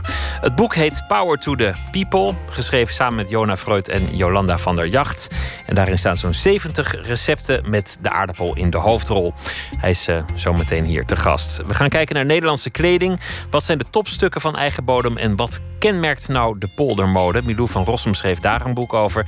We beginnen met Don Duins, schrijver voor romans, toneelstukken, televisieseries en wat al niet meer. En deze week zal hij elke nacht een verhaal maken bij de voorbije dag. Don, goeienacht.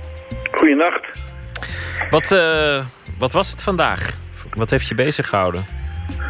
Ja, wat mij persoonlijk bezighoudt is dat ik een beetje in twee tijden leef. Want ik ben heel veel over Shakespeare aan het lezen. Omdat ik um, voor volgend jaar Hamlet ga bewerken. En dus ik zit zowel in het leven van nu, want ik probeer de actualiteit natuurlijk te volgen voor dit programma. Maar ik zit ook allerlei boeken over Londen en van 1606 met de pest te lezen. Uh, ik ga er geen vergelijkingen tussen trekken hoor. Nee, maar ik kan me wel voorstellen dat op een zeker ogenblik op interessante wijze in elkaar overloopt. Ja, gelukkig nog niet, want het, was, het is wel heel gruwelijk wat je daar leest. Deuren die worden dichtgetimmerd met zieke mensen en uh, nee. Nou ja, misschien, uh, maar goed, in ieder geval vanavond ga ik dat niet doen. Vannacht. Wat, wat is het voor verhaal geworden vandaag? Het heet Verwarrende Toestanden. Dat zegt misschien nog genoeg. Nou, ga je gang. Terwijl ik vandaag in de sportschool op de home trainer mijn rondjes cardio wegtikte... dacht ik na over de toestand in de wereld. Wat zou meester GBJ Hilterman hebben gevonden van het huidige tijdsgevricht, peinsde ik. Terwijl Zweet zich traag op weg naar mijn bilspleet begaf. Even voor de jongere luisteraars. GBJ, of voluit Gustavo Bernardo José Hilterman... was een journalist van centrumrechtse signatuur... die aanvankelijk op de radio en later op tv... wekelijks de politieke en sociale actualiteit van commentaar voorzag.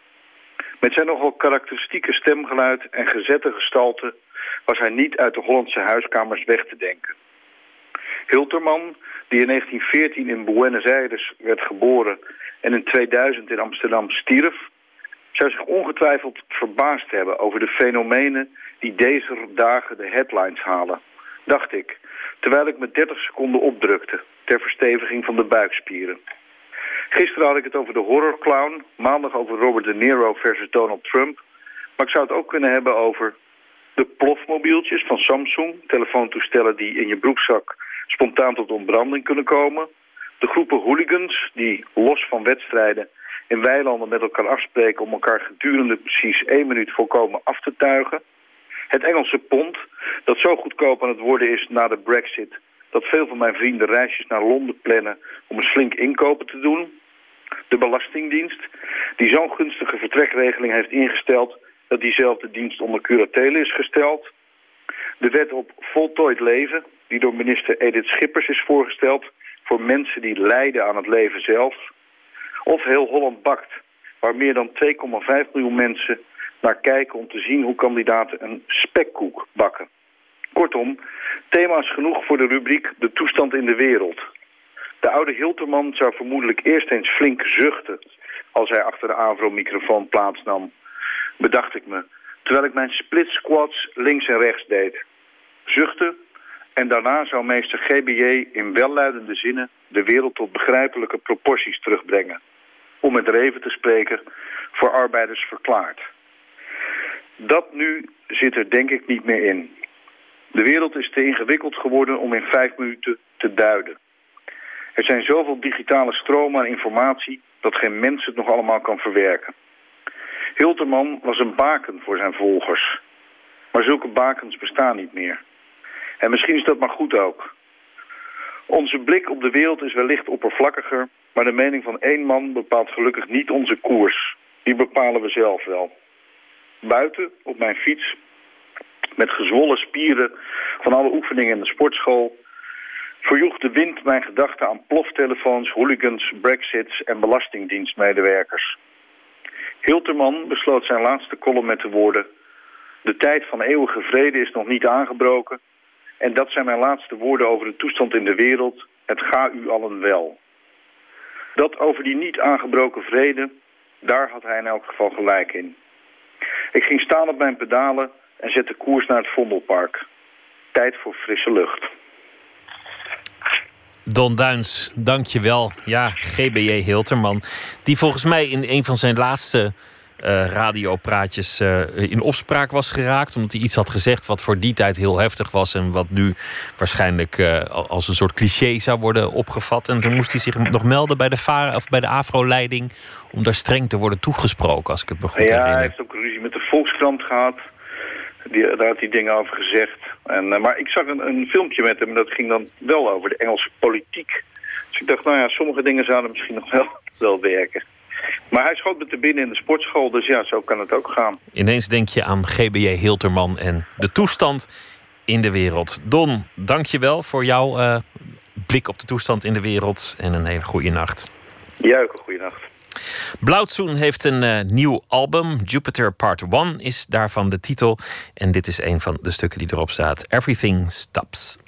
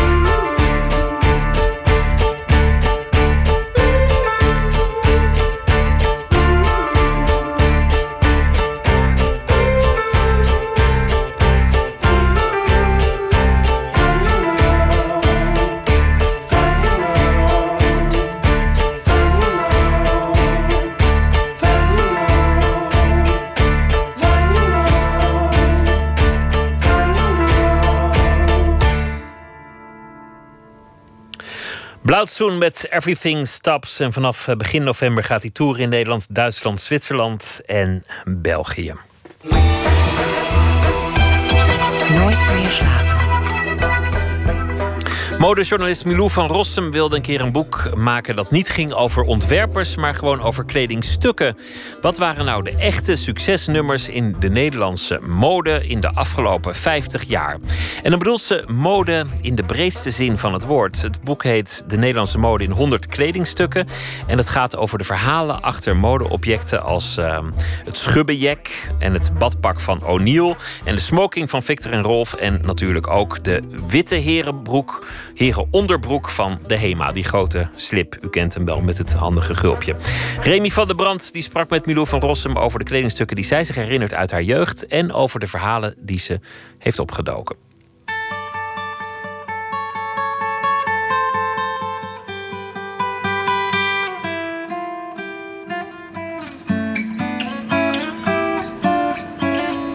Eind jaren zeventig, toen ik in Berkel en Schot woonde bij Tilburg, had een overbuurmeisje, Inge heette ze, die had zo'n roze jurk in zo'n driehoekvorm. Was dat die, die beroemde Orlili kinderjas. Zo'n tent. Ja, zo'n tent. Ja, of het eigenlijk een beetje zo'n soort heksen. Je ook een beetje een soort heksenjas uh, met zo'n lange punt capuchon. En dan zo'n vrolijke voering. En eh, nou ja, dat zijn van die dingen die altijd in mijn geheugen zijn blijven hangen. Modeboeken gaan meestal over de ontwerper, zegt Milou van Rossum. Zij is modejournalist en dus iemand die wel op de hoogte is van de meest recente en al lang gepasseerde mode. Maar als je in je eigen geheugen kijkt, dan denk je vaak echt aan de kledingstukken zelf. Zoals die heksenjas van Olili, die buurmeisje Inge droeg en Milou zelf niet. Ik had hem ook niet trouwens, want mijn moeder, die over het departement kleding ging, kon hem niet betalen. Of ze wilde hem niet betalen, maar dat moet ik nog eens navragen. Het bijzondere van O'Lily was dat uh, je had het, heeft natuurlijk altijd kinderkleren gehad. Maar, uh, en daar zaten ook wel speciale kinderdingen op, zoals in de jaren 50 die smokrandjes.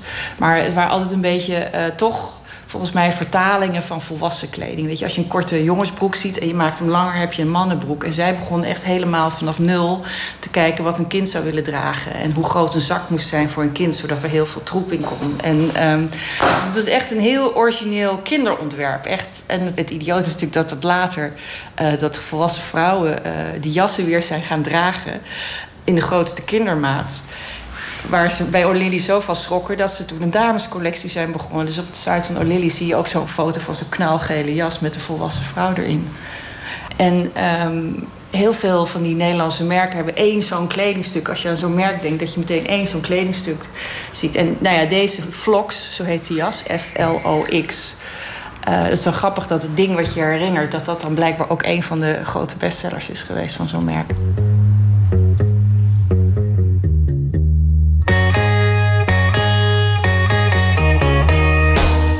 Het boek van Milou van Rossum, De Nederlandse mode in 100 kledingstukken, begint in de jaren 60.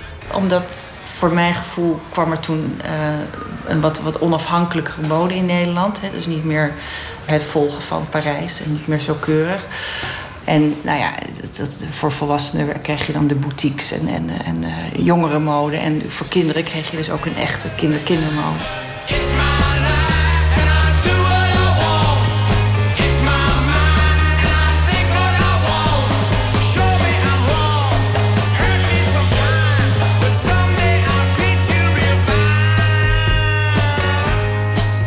In de jaren 80 waren de grote textielfabrieken uit Nederland verdwenen en verkast naar de lage lonenlanden.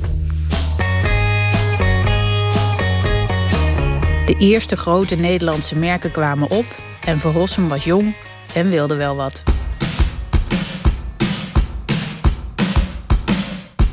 Ja, er is bijvoorbeeld de corsetschoen van uh, Lola Pagola. Uh, die voor het eerst in 1986 volgens mij te koop was. Ik weet nog wat die, dat ik die, die schoenen zag. En ik, ik dacht, ik heb nog nooit zoiets moois gezien. Ik vond het zoiets bijzonders, die schoenen. Nu zijn we natuurlijk gewend aan ontzettend versierde, rare... Er is ontzettend veel uh, uh, gebeurd op schoenengebied. Maar toen, in de jaren tachtig, je had wel mooie schoenen... maar het was een wat soberder en zo. En deze schoen Um, het was een schoen met een klein plateautje en een hak van 7 centimeter. En dan het bovenwerk was helemaal zo in vakjes, als, als een beetje als de vorm van een corset. En dan ook met stiksels benadrukt. En dan die eerste vorm had ook nog een soort satijnen linten. Het, was, uh, het was een beetje sexy, het was een beetje retro. Het, was ook heel, het had humor. Het was echt een schoen met, een schoen met persoonlijkheid. En ik was echt flabbergasted toen ik die schoen zag. Maar ja, dat is, dat is wel een klein beetje lastig met, met zo terugkijken. Is dat het soms, weet je, als je denkt van. Ik denk dat mensen van mijn leeftijd nog wel weten wat voor schoen dat was. Maar het is toch best lastig om aan jonge mensen eh, uit te leggen hoe bijzonder dat was, zo'n schoen. Ja, ja. Want, want, ik denk dan, het is, een, uh, het, is een, het is een schoen met hakken en veters. Ja, ja, ja.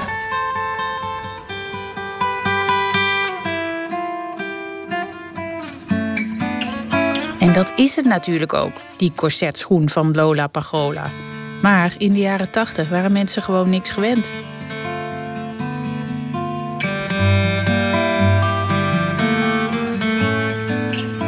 Kleren van de catwalk lagen toen niet een week later voor 9,99 euro bij de H&M. En als je toch iets keks wilde dragen en je portemonnee liet een designerstuk niet toe... dan maakte je het gewoon zelf zeg maar vanaf het begin dat week dat FIFA begon, midden jaren 70 tot 1990, hadden zij elke week een zelfmaakpatroon. Er zat meestal een vast team op, maar ze hadden ook af en toe een designerstuk. Dus dan, ik zag in de jaren zeventig was bijvoorbeeld een trui van Frans Molenaar. Maar ze hadden ook wel eens een trui van Gianni Versace. Of een Nico Verheij, dat was in de jaren tachtig een vrij bekende Nederlandse ontwerper. Had dan een, een pak. Een versimpelde versie van zijn pak als ruitjespatroon bij FIFA. En dat kon je dan zelf maken. En het was in die tijd echt lastig om uh, voor weinig geld modieuze kleren te kopen. Want je had die fast fashion nog niet. Dus dingen die geïmiteerd waren, dat kwam pas meestal een jaar later of minstens een jaar later. Ja, zoals de Hennis ja. en de Zara. Ja, ja. En nou ja, dus dan had je zo'n patroon van Viva van Nico Verheij. Dat was natuurlijk fantastisch. Dus ik wist dat, weet je, ik moet dat pak in het boek zetten. Want het was voor mij, ik heb het één keer als pak gemaakt en nog één keer de rok als rok en het jasje als jasje. Het was echt een fenomeen vroeger. Dus ik dacht, ja, dat was zoiets bijzonders in die tijd. Dat, dat, zo, daar moet een patroon in. Dus ik heb heel lang door die leggers gebladerd tot ik eindelijk dit patroon dan had. Als je het dan terugziet, dan denk je wel, oeh, dat is nou een beetje truttig. En, maar je hebt het wel aangehad. Ja, ja, maar dat was natuurlijk een hele andere tijd. Het was, mode was een beetje ouderlijk toen. Een beetje damesachtig. Ik zou het nu echt, echt te damesachtig vinden. Maar toen was het fantastisch. Streng en ouderlijk. Dat klinkt heel erg aantrekkelijk. Is dat echt een kenmerk van toen of toch een meer persistent kenmerk van de Nederlandse mode? Het, grote cliché is praktisch.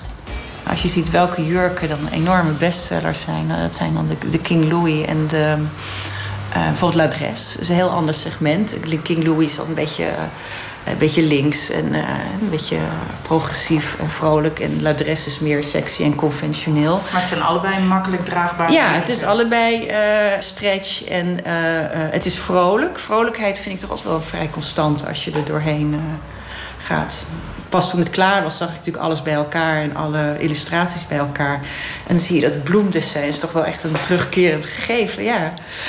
Maar je kan ook denken, wat zie je nou echt niet in Nederland. Kijk, Nederland is niet een land van heel strak en sexy. En uh, dat, is een, uh, dat, dat is niet typerend voor Nederlandse mode. En ook wel heel veel echt ontworpen dingen. De bamboeschoen van Jan Jansen en de dubbele bandjes van Marlies Dekkers.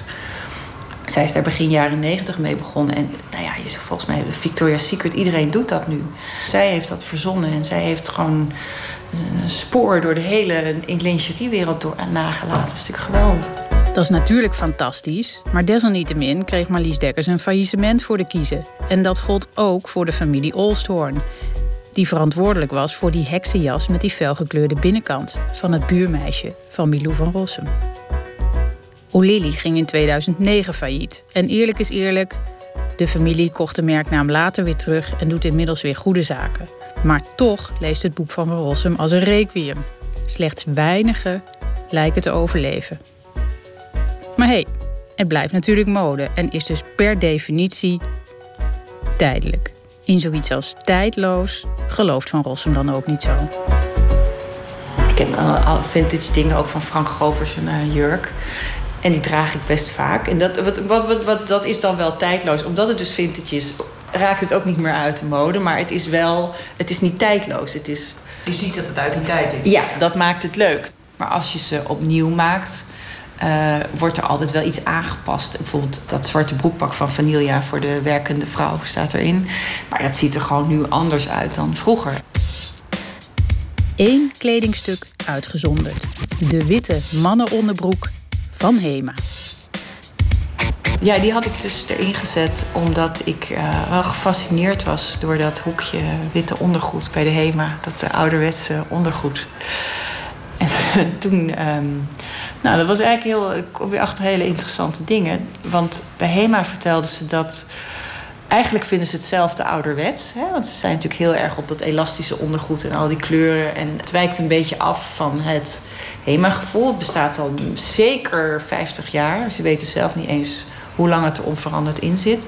Maar een hele belangrijk uh, klant voor dat ondergoed zijn oudere mensen vaak die in zorginstellingen verblijven. Want je kan je eigen kleren laten wassen door je familie. Maar als je dat daar ter plekke wil doen, dan. Ik heb ook zo'n lijst gezien. Dan staat daar dat je ondergoed kleurecht moet zijn en op hoge temperatuur gewassen. Dus alles waar nu tegenwoordig zit overal dat elastan in, dat is niet zo bestand tegen 60 graden, 60 graden of kookwas.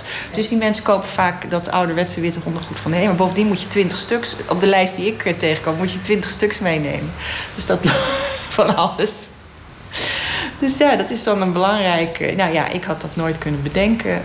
En dat soort verhalen vind ik dan wel heel grappig waar je dan op stuit. Dat je, denkt dat je van alles wel weet. Maar als je, ik heb met zoveel mogelijk mensen ook gepraat die achter die merken zitten. En uh, ja, ik heb wel een hoop geleerd, moet ik zeggen.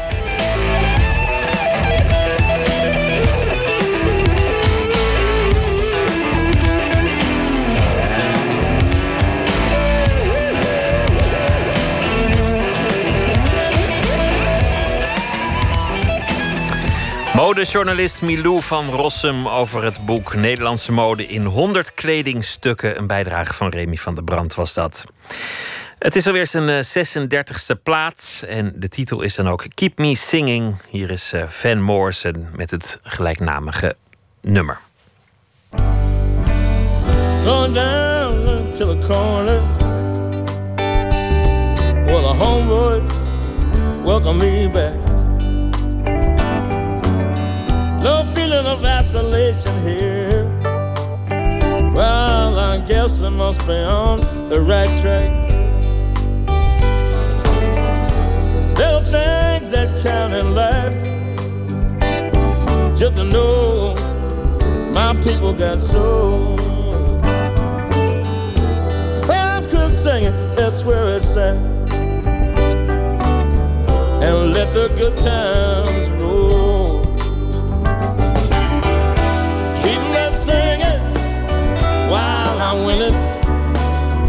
waiting on my change to come. Keep me singing, and you beginning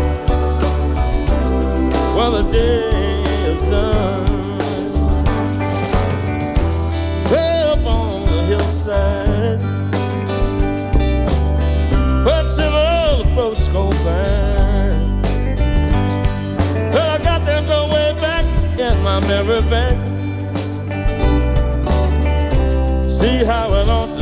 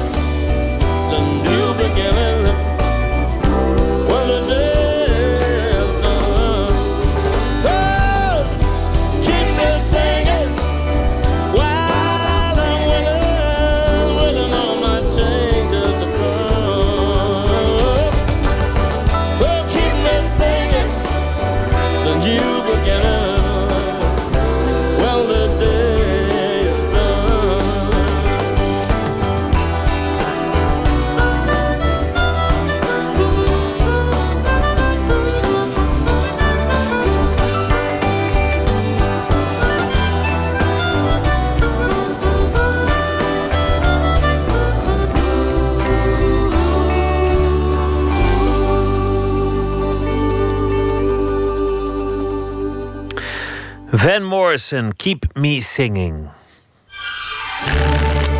Open kaart. De rubriek heet Open Kaart. 150 vragen in een bak. Vragen over werk en leven. En uh, te gast is Samuel Levy, kok, columnist. En hij zet zich ook in voor een duurzamer voedselsysteem. En is vooral bekend als worstenmaker bij de worstenmakerij Brand en Levy. En hij is ook de oprichter van de Youth Food Movement. Nou is, uh, is hij ineens uh, uit de kast gekomen als aardappelliefhebber. De oer-Hollandse aardappel. Heeft een beetje een slecht imago recentelijk vanwege de koolhydraten. Maar dat is uh, nergens voor nodig. En dus heeft hij een boek geschreven samen met Jona Freud en Jolanda van der Jacht. Een ode aan de aardappel met recepten. Power to de pieper. Welkom Samuel Levy. Dank. Ja, je ziet mensen wel, wel steeds vaker verschrokken kijken als er een aardappel op het bord ligt. Van, oh jee, koolhydraten, dat mag niet. slecht, de duivel. En mensen die kijken sowieso heel vaak verschrokken naar van alles en nog wat. En mensen zijn volgens mij heel erg in de war en bang geworden voor eten. Uh, ze horen per definitie. Ja, de ene keer moet je 20 minuten je mond gorgelen met kokosolie. De andere keer moet je geen gluten meer eten. Uh, terwijl de, uh, het aantal mensen dat echt allergisch is voor gluten, of, ja, dat is niet zo heel groot. Um, dus ik denk dat mensen al snel schrikken van eten, bang zijn geworden van eten. Terwijl eigenlijk gewoon de basis ligt bij goed zelf koken. Uh, vooral gevarieerd eten, veel groente eten. Uh, en dan moet je echt niet bang worden van aardappel. Aardappel is hartstikke gezond. En er uh, zit vitamine in, zit vezel in. Dus ja, dat was een, een van de redenen dat we dachten van... we gaan gewoon weer het volksvoer nummer 1 gaan we in ere ja, weer terugzetten op het menu. En zelfs al was het niet gezond, want volgens mij is het ook best gezond, maar dan, dan nog is het lekker. Ik bedoel, het is ook belangrijk dat, dat eten gewoon goed smaakt. Dat, dat, het, uh, dat je er veel mee kunt. Bladerend door het boek viel mij op hoe veelzijdig de aardappel is.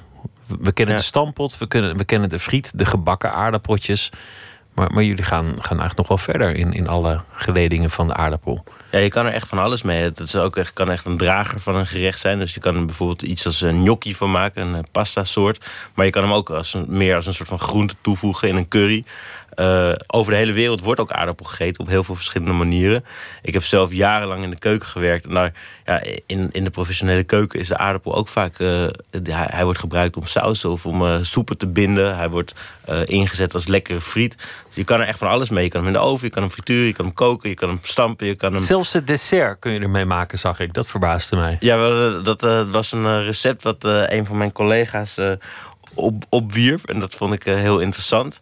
Ik had zelf wel eens aardappelijs gegeten. Dat was heel lekker. Dat kende ik wel. Maar de chocoladetaart met aardappel bijvoorbeeld... is voor mij ook een nieuwe. En die staat er wel degelijk in. Een, eh, een, een vakantie naar Loteringen kan ik je aanbevelen... waar, uh, waar aardappel... Uh, nou, volgens mij eet ze daar wel 30 kilo aardappel per persoon per dag. Dat, dat staat dan in alle geledingen op de kaart. Dat is dan weer niet gezond, denk ik. Maar ik denk dat 30 kilo eten per dag sowieso geen gezonde... Dit was een hyperbole overdrijving uh, om, om mijn punt duidelijk te maken. Maar of, of dat helemaal werkt, dat, uh, dat wil ik niet zeggen. Laten we beginnen met uh, waar we eigenlijk voor gekomen zijn. Ja. Om, om wat meer over je te weten te komen aan de hand van de kaarten. De kaarten. Ik wil je vragen om erheen te trekken. Het is een heel spannend, hè? Dat is echt, er staan hier gewoon echt een doos met kaarten. En dan moet ik hem voorlezen. Is meedoen belangrijker dan winnen? Ja. Oh, die vraag heb ik nooit eerder gehoord. Nee, dat vind ik ook echt een hele moeilijke vraag, zeg. Ik vind ook een beetje een vage vraag. Is meedoen, vanaf, ja. is meedoen belangrijker dan winnen? Nou, hangt er helemaal vanaf. Als ik uh, met mijn uh, vrienden ga voetballen op zondag... ik ga regelmatig op het Museumplein gaan we voetballen... dan is meedoen zeker belangrijker dan winnen. Maar is winnen wel heel lekker. ja, als ik uh, sta te darten tegen een van mijn compagnons... we hebben zo bij Brand een dartbord hangen... dan vind ik winnen toch wel belangrijk. Ik denk dat het helemaal vanaf hangt waar het over gaat. Ik vind het eigenlijk niet zo'n hele sterke vraag. Ik ga dit kaartje ook gewoon verstoppen... dat hij nooit meer, uh, dat hij nooit meer terugkomt. Mag, mag ik er meteen nog eentje pakken? Een goeie. Oké. Okay. Kijk, dit vind ik een beter. Werk je om te leven of leef je om te werken? Kijk, dat is een goede vraag, hè? Dit is een vraag die ik regelmatig met mijn vriendin op de bank bespreek. Want jij, jij bent altijd aan het werk, toch? Ik ben heel veel aan het werk en ik vind werk fantastisch. Ik vind mijn werk ook heel leuk. Ik doe ontzettend veel leuke dingen. Um, en mijn werk en leven zijn ook best wel in elkaar, eh, gaan heel erg in elkaar samen. Dus mijn vrienden zijn mijn collega's en mijn, ik praat veel over mijn werk. Maar, maar mijn werk heel leuk. Volgens mij de, de grens tussen werk en privé al lang niet meer aangeven. Want je collega's zijn ook je vrienden. En het is allemaal geboren uit wat je leuk vindt en uit passie. En dan heb je ook nog 60 verschillende functies die, die deels overlappen. Ja. Nee, dus ik vind dat een hele moeilijke. En ik vind uiteindelijk. Maar ik moet zeggen, ik heb uh, sinds ik uh, mijn doch, ik heb een dochtertje gekregen vijf maanden geleden. En ik besef opeens hoe belangrijk ik het vind om meer tijd thuis te hebben. Meer naar haar te kunnen kijken, naar haar grote glimlach. En dat dan het werk wel echt even helemaal uit kan. En dat is wel voor het eerst in, eh, in jaren. En wat doe je als het werk helemaal uitstaat? Nou ja, op dit moment kan ik echt, en dat had ik nooit verwacht, kan ik op de bank zitten, naar mijn dochter kijken en denken van jeetje, wat hou ik veel van jou. En wat vind ik het leven leuk op dit moment. Ehm, ja, en ik, ik vind het heel moeilijk om werk echt uit te zetten. Dus dat gaat vaak anders. Als, wij, als ik met mijn, eh, mijn eh, vriendin en uh, met mijn ouders op vakantie ben, dan zeggen ze ook altijd van. Nou ja, dat duurt altijd drie of vier dagen voordat ze het gevoel hebben dat ik er weer echt ben of zo. En dan, ja, dan kan ik heel erg genieten van lange wandelingen maken. En, maar dan, ja, als ik, ik ga ook één keer per jaar op vakantie, neem, neem ik mijn telefoon ook niet mee, omdat het anders gaat, gebeurt het ook niet. En ga je dan wel naar, naar restaurants en bijzondere gerechten? En, en is die vakantie dan wel culinair bepaald? Naar, naar een truffelgebied of zo? Ja, of, ik vind uh... het fantastisch om uh, naar een wijngebied te gaan. Of om, uh, als ik ergens heen ga, dan ga ik altijd uitzoeken waar de beste restaurants zitten en waar de beste producenten zitten. Dat vind ik gewoon leuk, daar hou ik me mee bezig. Maar die keren dat ik dat niet doe, omdat ik met mensen ben die daar misschien minder belangstelling voor hebben of zo, dan vind ik dat soms ook wel een opluchting. Ik kan ook, als ik met mijn compagnons bijvoorbeeld een weekend wegga of een week wegga, dan kan ik ook doodmoe worden van het gelul over het eten. En op een gegeven moment denk ik van jongens, kunnen we het gewoon over voetbal hebben? Of al kunnen we het over muziek hebben? Of kunnen we een keer in plaats van naar een restaurant naar theater gaan? Dus op een gegeven moment kan het je ook wel helemaal een soort van opzuigen. Dan kan je er, denk je, nu is het wel mooi geweest. Als het al te monomaan wordt. Ja. Trek nog een kaart.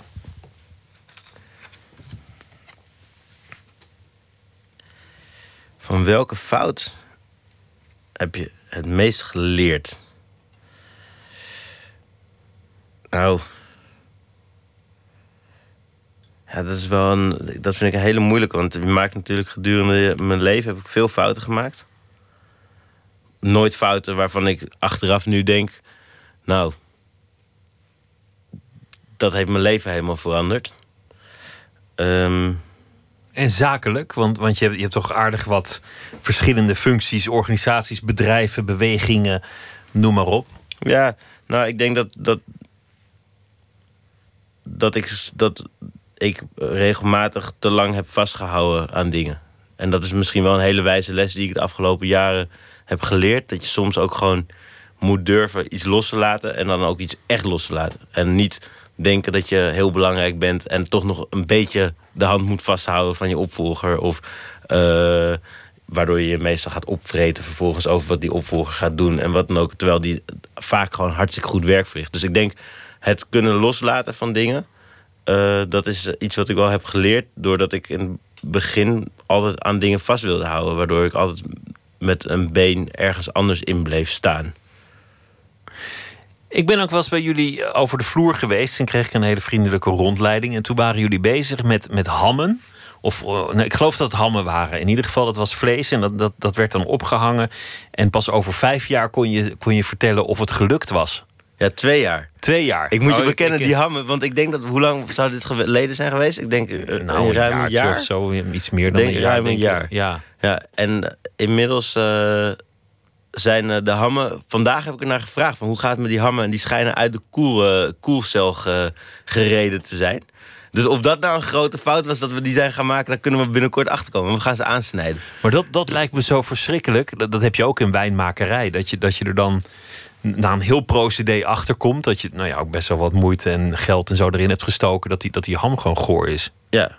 Dat zou zomaar kunnen. Of, ja, of, zeker. Of niet dat, gelukt of wat dat, dan ook. En dat is ook een van de redenen. Dat is ook eigenlijk een Misschien is dat ook al iets wat we, waar wij niet zo goed in zijn. Of een fout die wij wel soms misschien maken, is dat we ja, toch een beetje bang of afwachtend zijn. Dus we hebben die hammen toen gemaakt. En dan gaan we anderhalf jaar zitten wachten om te kijken of ze goed zijn. Maar dat betekent dat als ze nou heel lekker zijn geworden. Dan zijn ze alweer op voor je het weet. Ja, die zijn allemaal, die zijn letterlijk al allemaal verkocht. Want die waren voor crowdfunding mensen die ons ooit hebben geholpen. Als die nou heel lekker waren, dan moeten we anderhalf jaar wachten tot we die volgende ham hebben. Dus het is een. Uh, dat wordt een spannende. Nou ja, wie een olijfboom plant zal zelf niet de olijven eten. Was toch ooit nee. een, een, gezegde of zo? Trek er nog We gaan er nog eentje. Heb je irrationele angsten? Nou, ik ben denk ik echt niet zo'n heel, niet zo heel angstig type. Dus ik, uh, mijn enige angst, die wel waarschijnlijk redelijk irrationeel is, is dat ik soms echt me afvraag of ik. eh, of het wel goed met me komt. Of het wel goed met ja, dan komt. denk ik van ja, ben ik wel de goede dingen aan het doen? En vind ik het over vijf jaar nog wel leuk wat ik nu aan het doen ben? Maar ik denk dat het wel iets is wat heel veel mensen, eigenlijk waarschijnlijk iedereen wel herkent. Ehm, ik heb een beetje vliegangst. Dat is niet heel irrationeel, maar ik heb wel, ik heb wel een soort van. eh, ik, ik durf niet te vliegen zonder, zonder deze ring. Dat is heel raar. Ik heb een ring om mijn vinger. En ik heb ooit bedacht dat ik. En dat is echt dat, dat is wel een beetje irrationeel. Ja, dat is, dat is een tikje irrationeel, Ja. wat helemaal niet erg Nee. is. Die gedachte, komt het wel goed met mij? Dat, dat, is, dat is wel mooi. Heb ik, heb ik wel, ben ik wel op de goede weg? Is dit wel het beroep dat ik moet doen? Volgens mij maakt dat op een gegeven moment plaats voor een veel, veel ergere angst. Heb ik het wel goed gedaan? Heb ik wel het beroep Ja. gekozen? Dat, dat het eigenlijk al te laat is en je denkt... wat- als ik toen iets anders was gaan Nee, doen? en, en nu vind ik, ik, ik vind echt letterlijk, ik word wakker. Ik vind elke dag vind ik bijna, bedoel, tuurlijk heb ik ook dagen dat ik mijn bed uitkom en dat ik denk, ja, ik heb er echt geen zin in. Of dat, dat ik dingen moet doen waarvan ik denk, Dat ah, ik kan geen borst meer zien. Nee, maar, dat, maar eigenlijk ben ik heel blij met wat ik doe. Ik heb heel veel vrienden in mijn werk. Ik hou me bezig met iets wat ik heel interessant vind. Voedsel, eh, maar ook het, bredere vraagstuk van hoe voeden we de wereld. Dus dat vind ik allemaal fantastisch. Alleen soms denk ik wel van ja, ga ik dat inderdaad nog vijf of tien jaar of nog twintig jaar interessant vinden? En ben ik niet te weinig? Want ik ga er zo ook wel zo in op dat ik soms ook wel denk, ja, ik zie soms de andere dingen niet meer. En ik besteed niet genoeg tijd aan andere dingen. Dan ben ik heel stront jaloers op mijn zusje, die gewoon elke week naar een mooie voorstelling gaat. Of die, die drie keer per week gaat sporten. En dan denk ik van ja, dat zijn toch dingen. Ik ben zo bezig met datgene wat ik fantastisch vind, dat ik daar gewoon te weinig tijd voor maak voor andere dingen. Ja, toch is dat ook mooi. Dat vind ik ook als, als de pianist die, die zijn jeugd te horen kreeg van... hé, hey, er is meer in het leven dan een piano. En, dan- en dan later voor volle zalen staat. Dat, Ja. dat vind, ik, vind ik toch mooi. Laten we er nog eentje doen. Ja, zo'n kleine. Zo'n kleine, er zitten Ja. verschillende maten. En ik dacht, Je weet ook niet waarom dat is, maar... wat is er falikant mislukt? Oh ja. Behalve de, de, de ham, die, die hangt nog. Die, die ham gaan we binnenkort achterkomen. Ja, ik bedoel, we hebben natuurlijk eh, in het begin, toen we de worstmakerij begonnen, hebben we echt zoveel worsten gemaakt die falikant mislukten, omdat de smaken niet klopten. Ehm, er zijn natuurlijk wel eens pro- projecten waar je aan werkt of waar je die je opstart. Vorig jaar hadden we een, een idee voor een nieuw bedrijf. Nou, het is ook niet van de grond gekomen. Dus, dus er gaan soms gewoon echt dingen fout. Maar ik denk dat ik. Ja, dat hoort er ook gewoon bij, toch? Ik weet niet. Ik, de- Ben je, want, want jullie begonnen ook een beetje uit een, een verzet tegen een bepaalde heersende cultuur. Ja. Van, van de bepaalde manier van omgaan met voedsel die niet duurzaam was, niet, Ja. niet diervriendelijk, en niet uit op het allerbeste product, maar gewoon op Excel-sheetjes en cijfertjes. Ben je de tegenstander beter gaan begrijpen nu je Zeker. met hetzelfde beltje hakt? Ja. En, en is de verleiding er wel eens om te zeggen, nou ja, moet, moet dat nou echt ambachtelijk zeezout van, zeezout van Sicilië zijn? Of kan Ja. het niet wat, wat goedkoper? Nou, ik begrijp. Ben veel meer gaan begrijpen hoe ingewikkeld het is. En als je eh, mee wilt doen in het systeem, dan moet je bepaalde keuzes maken. Dus als je in de supermarkt wil verkopen, dan betekent het dat je waarschijnlijk goedkoper vlees moet gaan kopen. Want de supermarkt die wil jou niet de prijs betalen die, die jij voor je product wilt. Ehm, dus ik ben ze beter gaan begrijpen. Het heeft ook nog sterker gemaakt dat ik denk... wij moeten het anders doen om eh, onderscheidend te zijn. Want anders dan zijn we gewoon one of, one of the others. En dan gaan we, ja, dan, dan, dan gaan we interen op, op ons merk, op onze kwaliteit. En dan uiteindelijk ja, beland je toch in die supermarkt... waar, je, waar mensen niet, ja, veel meer prijsgedreven naar aankoop doen... dan dat ze op kwaliteitsgedreven... Of Dus jullie hebben gewoon gezegd, geen supermarkt, dan ja, maar niet. voorlopig niet. De markt met de Q verkopen we dan aan. Dat is een beetje de grootste. Dat is, dat is dan onze supermarkt. En daar doen we gewoon fijne zaken mee. Want die hebben ook een andere. kijken ook gewoon anders naar de wereld. Ehm, maar verder. Ik ben ze beter gaan begrijpen. Er zijn ook dingen waarvan ik denk. de- Natuurlijk heb je eh, gedurende die hele periode. kom je ook dingen tegen waarvan je zegt van. Nou, dat, dat hebben we ooit gezegd dat we dat zo wilden doen. Maar dat doen we nu zo. Dus uh, ik weet nog dat ik toen we voor het eerst het voorstel kwam... dat we met een, met een machine het labeltje om de, iedere worst gingen doen... dat ik dat verschrikkelijk vond. Want dan kwam er een apparaat en dat was toch minder ambachtelijk. Ik kon me niet voorstellen, dat ik had echt zoiets van... dat gaat niet. Als ik nu zie hoeveel werk er ging zitten... en hoeveel kapotte handen mensen hadden van het alsmaar aantrekken van die touwtjes... en hoeveel worsten er op de grond gingen... omdat ze toen toch weer niet goed waren opgeknoopt. Dan denk ik van ja, dat was dan, uh, daar, daar had ik een soort van principieel bezwaar tegen. Was eigenlijk toch niet zo'n heel groot uh, nee. compromis. Nee. Het boek heet Power to the Peeper. Ja, Power to the Peeper over de aardappel. Samuel Levy, dank je wel. Leuk dat ik er mocht zijn en een fijne avond. Dank je. Tja, de Brit Pete Doherty werd vooral eh, bekend als het eh, dronken gezelschap van topmodellen. Regelmatig te vinden op de boulevardbladen, omdat hij het weer te bond had gemaakt. Met eh, verslavingen en vechtpartijen en noem maar op. Dat is allemaal een beetje voorbij. En wat overblijft is dat het toch vooral een rock'n'roller is die fijne muziek maakt. We gaan luisteren naar een van zijn nummers. I don't love anyone, but you're not just anyone.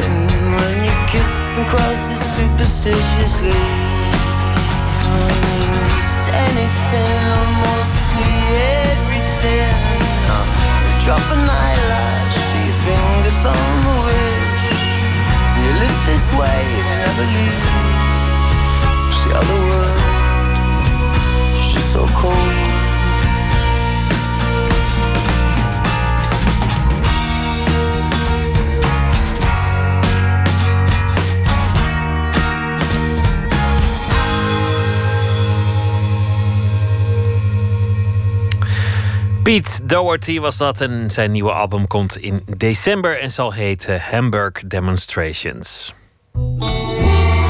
Nooit meer slapen. Een leven lang samen blijven, als je dat al wil. Hoe doe je dat dan vervolgens? En hoe ga je dan om met je eigen en andermans demonen? Daarover gaat de nieuwe voorstelling van toneelgroep Oostpol. De naam daarvan is Demonen. Verslaggever Inge Terschuren die vraagt de hoofdrolspelers naar hun demonen en hun recept voor een lang en gelukkig leven. Vannacht is dat Kirsten Mulder. En ik ben niet van plan om in welk opzicht dan ook rekening met jou te houden. Oh, wat zie ik eruit? Veel ouder. Ouder en dikker.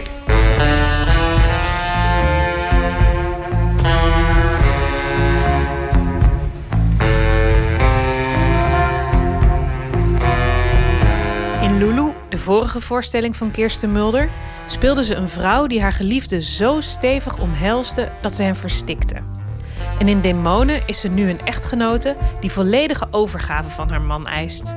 Hoewel Kirsten Mulder zelf steeds beter de kunst van het loslaten beheerst, herkent ze de drang om vast te houden. Het is nooit eenzijdig een relatie. Het is, er speelt altijd een soort onderlaag en je wil altijd wel degene vasthouden van wie je houdt. Maar daardoor zie je, heel, zie je soms niet dat het eigenlijk niet meer zo goed is. En uh, zo de kunst om te denken wat nou eigenlijk, waar je nou eigenlijk het meest gelukkig van wordt.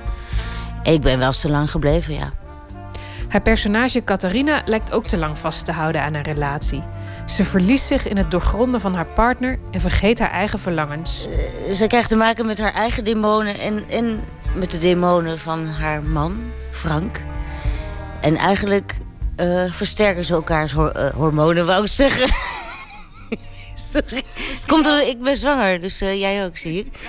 Misschien komt het daardoor. Nou ja, dus de hormonen hebben er ook mee te maken. Nee, maar goed, ik ben heel erg op zoek naar zijn... ja, zijn... Ik zie zijn demonen in die zin dat hij zich niet geeft. Zich niet overgeeft aan mij. En ja, mijn demonen worden daardoor zo ongelooflijk uh, geprikkeld. Namelijk dat ik heel ver ga om hem uh, ja, zich te laten openstellen. Zodat ik ook verder kan.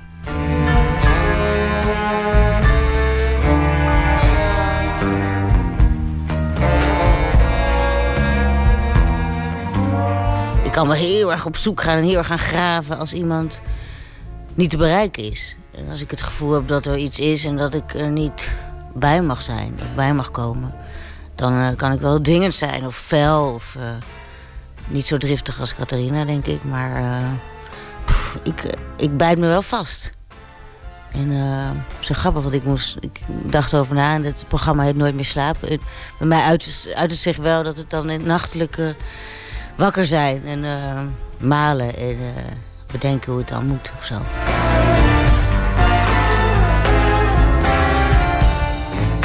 Is dat iets waar je door dit stuk dan meer over na gaat denken? Wat eigenlijk jouw eigen demonen zijn in relaties? Ja, zeker. En het is ook, dan ben je ook nog uh, aan het improviseren binnen het stuk. Ook al heb je vaste tekst. Dan komen je eigen demonen vanzelf wel naar boven. En die heb ik heel goed onder controle. Zeker binnen een kader van een stuk. Maar ik herken het wel, ja. Ik, uh, zowel fysiek als uh, ja, hoofdelijk als emotioneel ja, die, die, uh, die gretigheid om, uh, om maar door te gaan, dat herken ik heel erg, ja. ja. Dat is jouw grootste valkuil? Denk het wel, ja. Ja, daar kom je ook best achter. Misschien was ik daar al een beetje achter, maar... Uh, dat ik dat deed, ik denk dat ik dat tegenwoordig wel wat beter in de hand heb. Dat ik iets meer kan ontspannen en kan loslaten, ja. Maar hoe ga je er dan mee om? Of hoe heb je dat dan geleerd om het wat meer los te laten?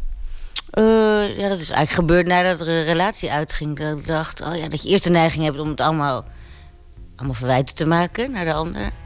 Maar ja, dan kom je toch ook wel achter dat het iets is wat je samen doet. En dat ik, uh, dat ik wel dwingend kan zijn. Dat dat niet zoveel zin heeft. Maar ik ben nu heel gelukkig, dus uh, misschien ben ik daarom ook wel wat rustiger. Je hebt zo langzaam heb je ze afgeschud. Ja, dat is, dat is denk ik wat je, de hele, wat je het hele leven probeert.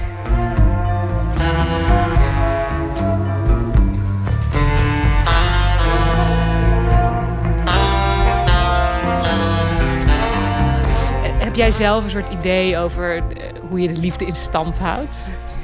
Uh, nou, ik hoop deze echt enorm in stand te houden. Ja, dat is ook omdat ik het gewoon voel. Dus ik denk dat mijn gevoel heel eerlijk is. Dus ik blijf niet bij iemand terwijl ik het misschien niet meer voel. Of, dat de demonen zo groot zijn geworden dat je ze niet meer kan overzien. Dat je wel bij elkaar weg moet. Ehm, wij zijn nog niet zo lang maar ik heb zo'n goed gevoel over dat ik die demonen ook wel kan hebben. En, ehm, En die van je partner ook? ja, die omarm ik. Misschien is dat wel de oplossing. En ik ben zwanger, dus ja, het kan me gebeuren.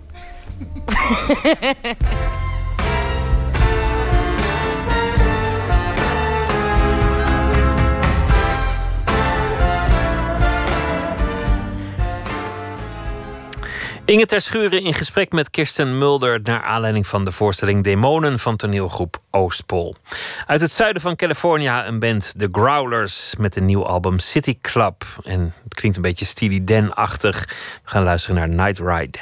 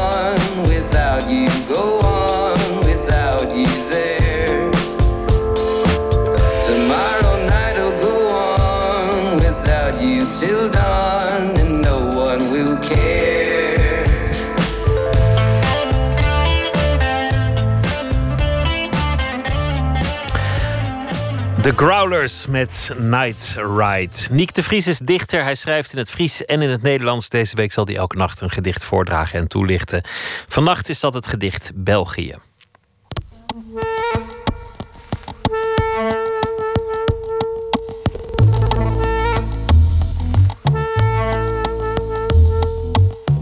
België. Ik verliet familie en vrienden om het helemaal te gaan maken in België. Samen met mijn lieve Wendelin. Dat viel eerlijk gezegd nogal tegen. En al gauw verloor onze liefde alle glans. Op het laatst kwamen we terecht op een kartonfabriek. Waar onze chef het duidelijk had voorzien op mijn Wendelin. Ik was niet meer mezelf, daar in België. En tijdens een pauze sloeg ik hem keihard met een hooivork op zijn rug. Anderen zeiden later: Die hooivork, die had daar ook helemaal niet mogen staan.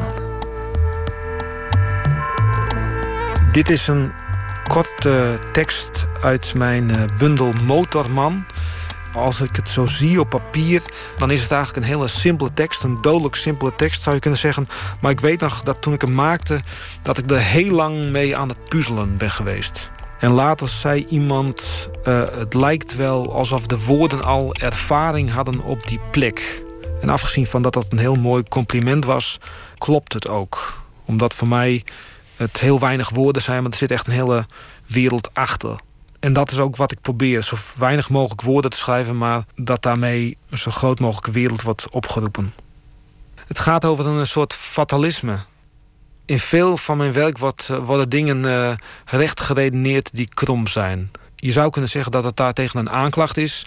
Maar de personages die zijn zich er ook van bewust dat ze zelf ook dingen recht praten. Ik doe uh, het prozagedicht nog een keer België. Ik verliet familie en vrienden om het helemaal te gaan maken in België. Samen met mijn lieve Wendelin. Dat viel eerlijk gezegd nogal tegen. En al gauw verloor onze liefde alle glans. Op het laatst kwamen we terecht op een kartonfabriek, waar onze chef het duidelijk had voorzien op mijn Wendelin. Ik was niet meer mezelf daar in België. En tijdens een pauze sloeg ik hem keihard met een hooivork op zijn rug. Anderen zeiden later: Die hooivork, die had daar ook helemaal niet mogen staan. Niek de Vries las België. Morgen komt de Vlaming Stefan Hertmans langs. Hij is uh, schrijver, dichter, essayist en toneelschrijver. En zijn laatste boek heet De Bekeerlingen. Dat uh, treedt in het voetspoor van een christelijke jongvrouw uit de 11e eeuw. Zijn uh, vorige boek was Oorlog en Terpentijn uit 2013. Was een enorm succes in Nederland, maar ook vooral in België. Dat allemaal morgen en nu een hele goede nacht en graag weer tot dan.